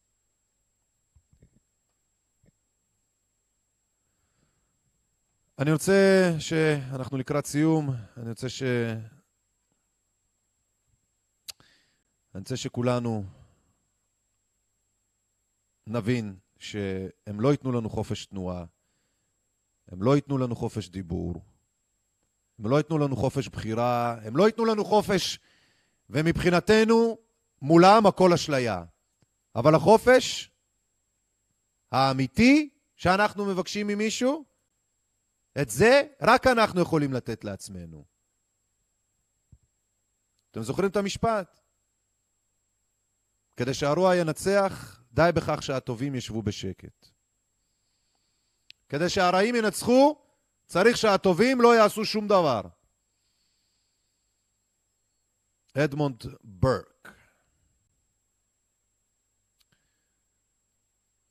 אני רוצה שעם הסיומת הזאת לעשות את הסגיר ולהגיד לכם קודם כל תהיו אופטימיים בנוגע למה שהולך לקראתנו. תזכרו, אני לא הולך לשכנע אתכם, אלא זו עובדה היסטורית.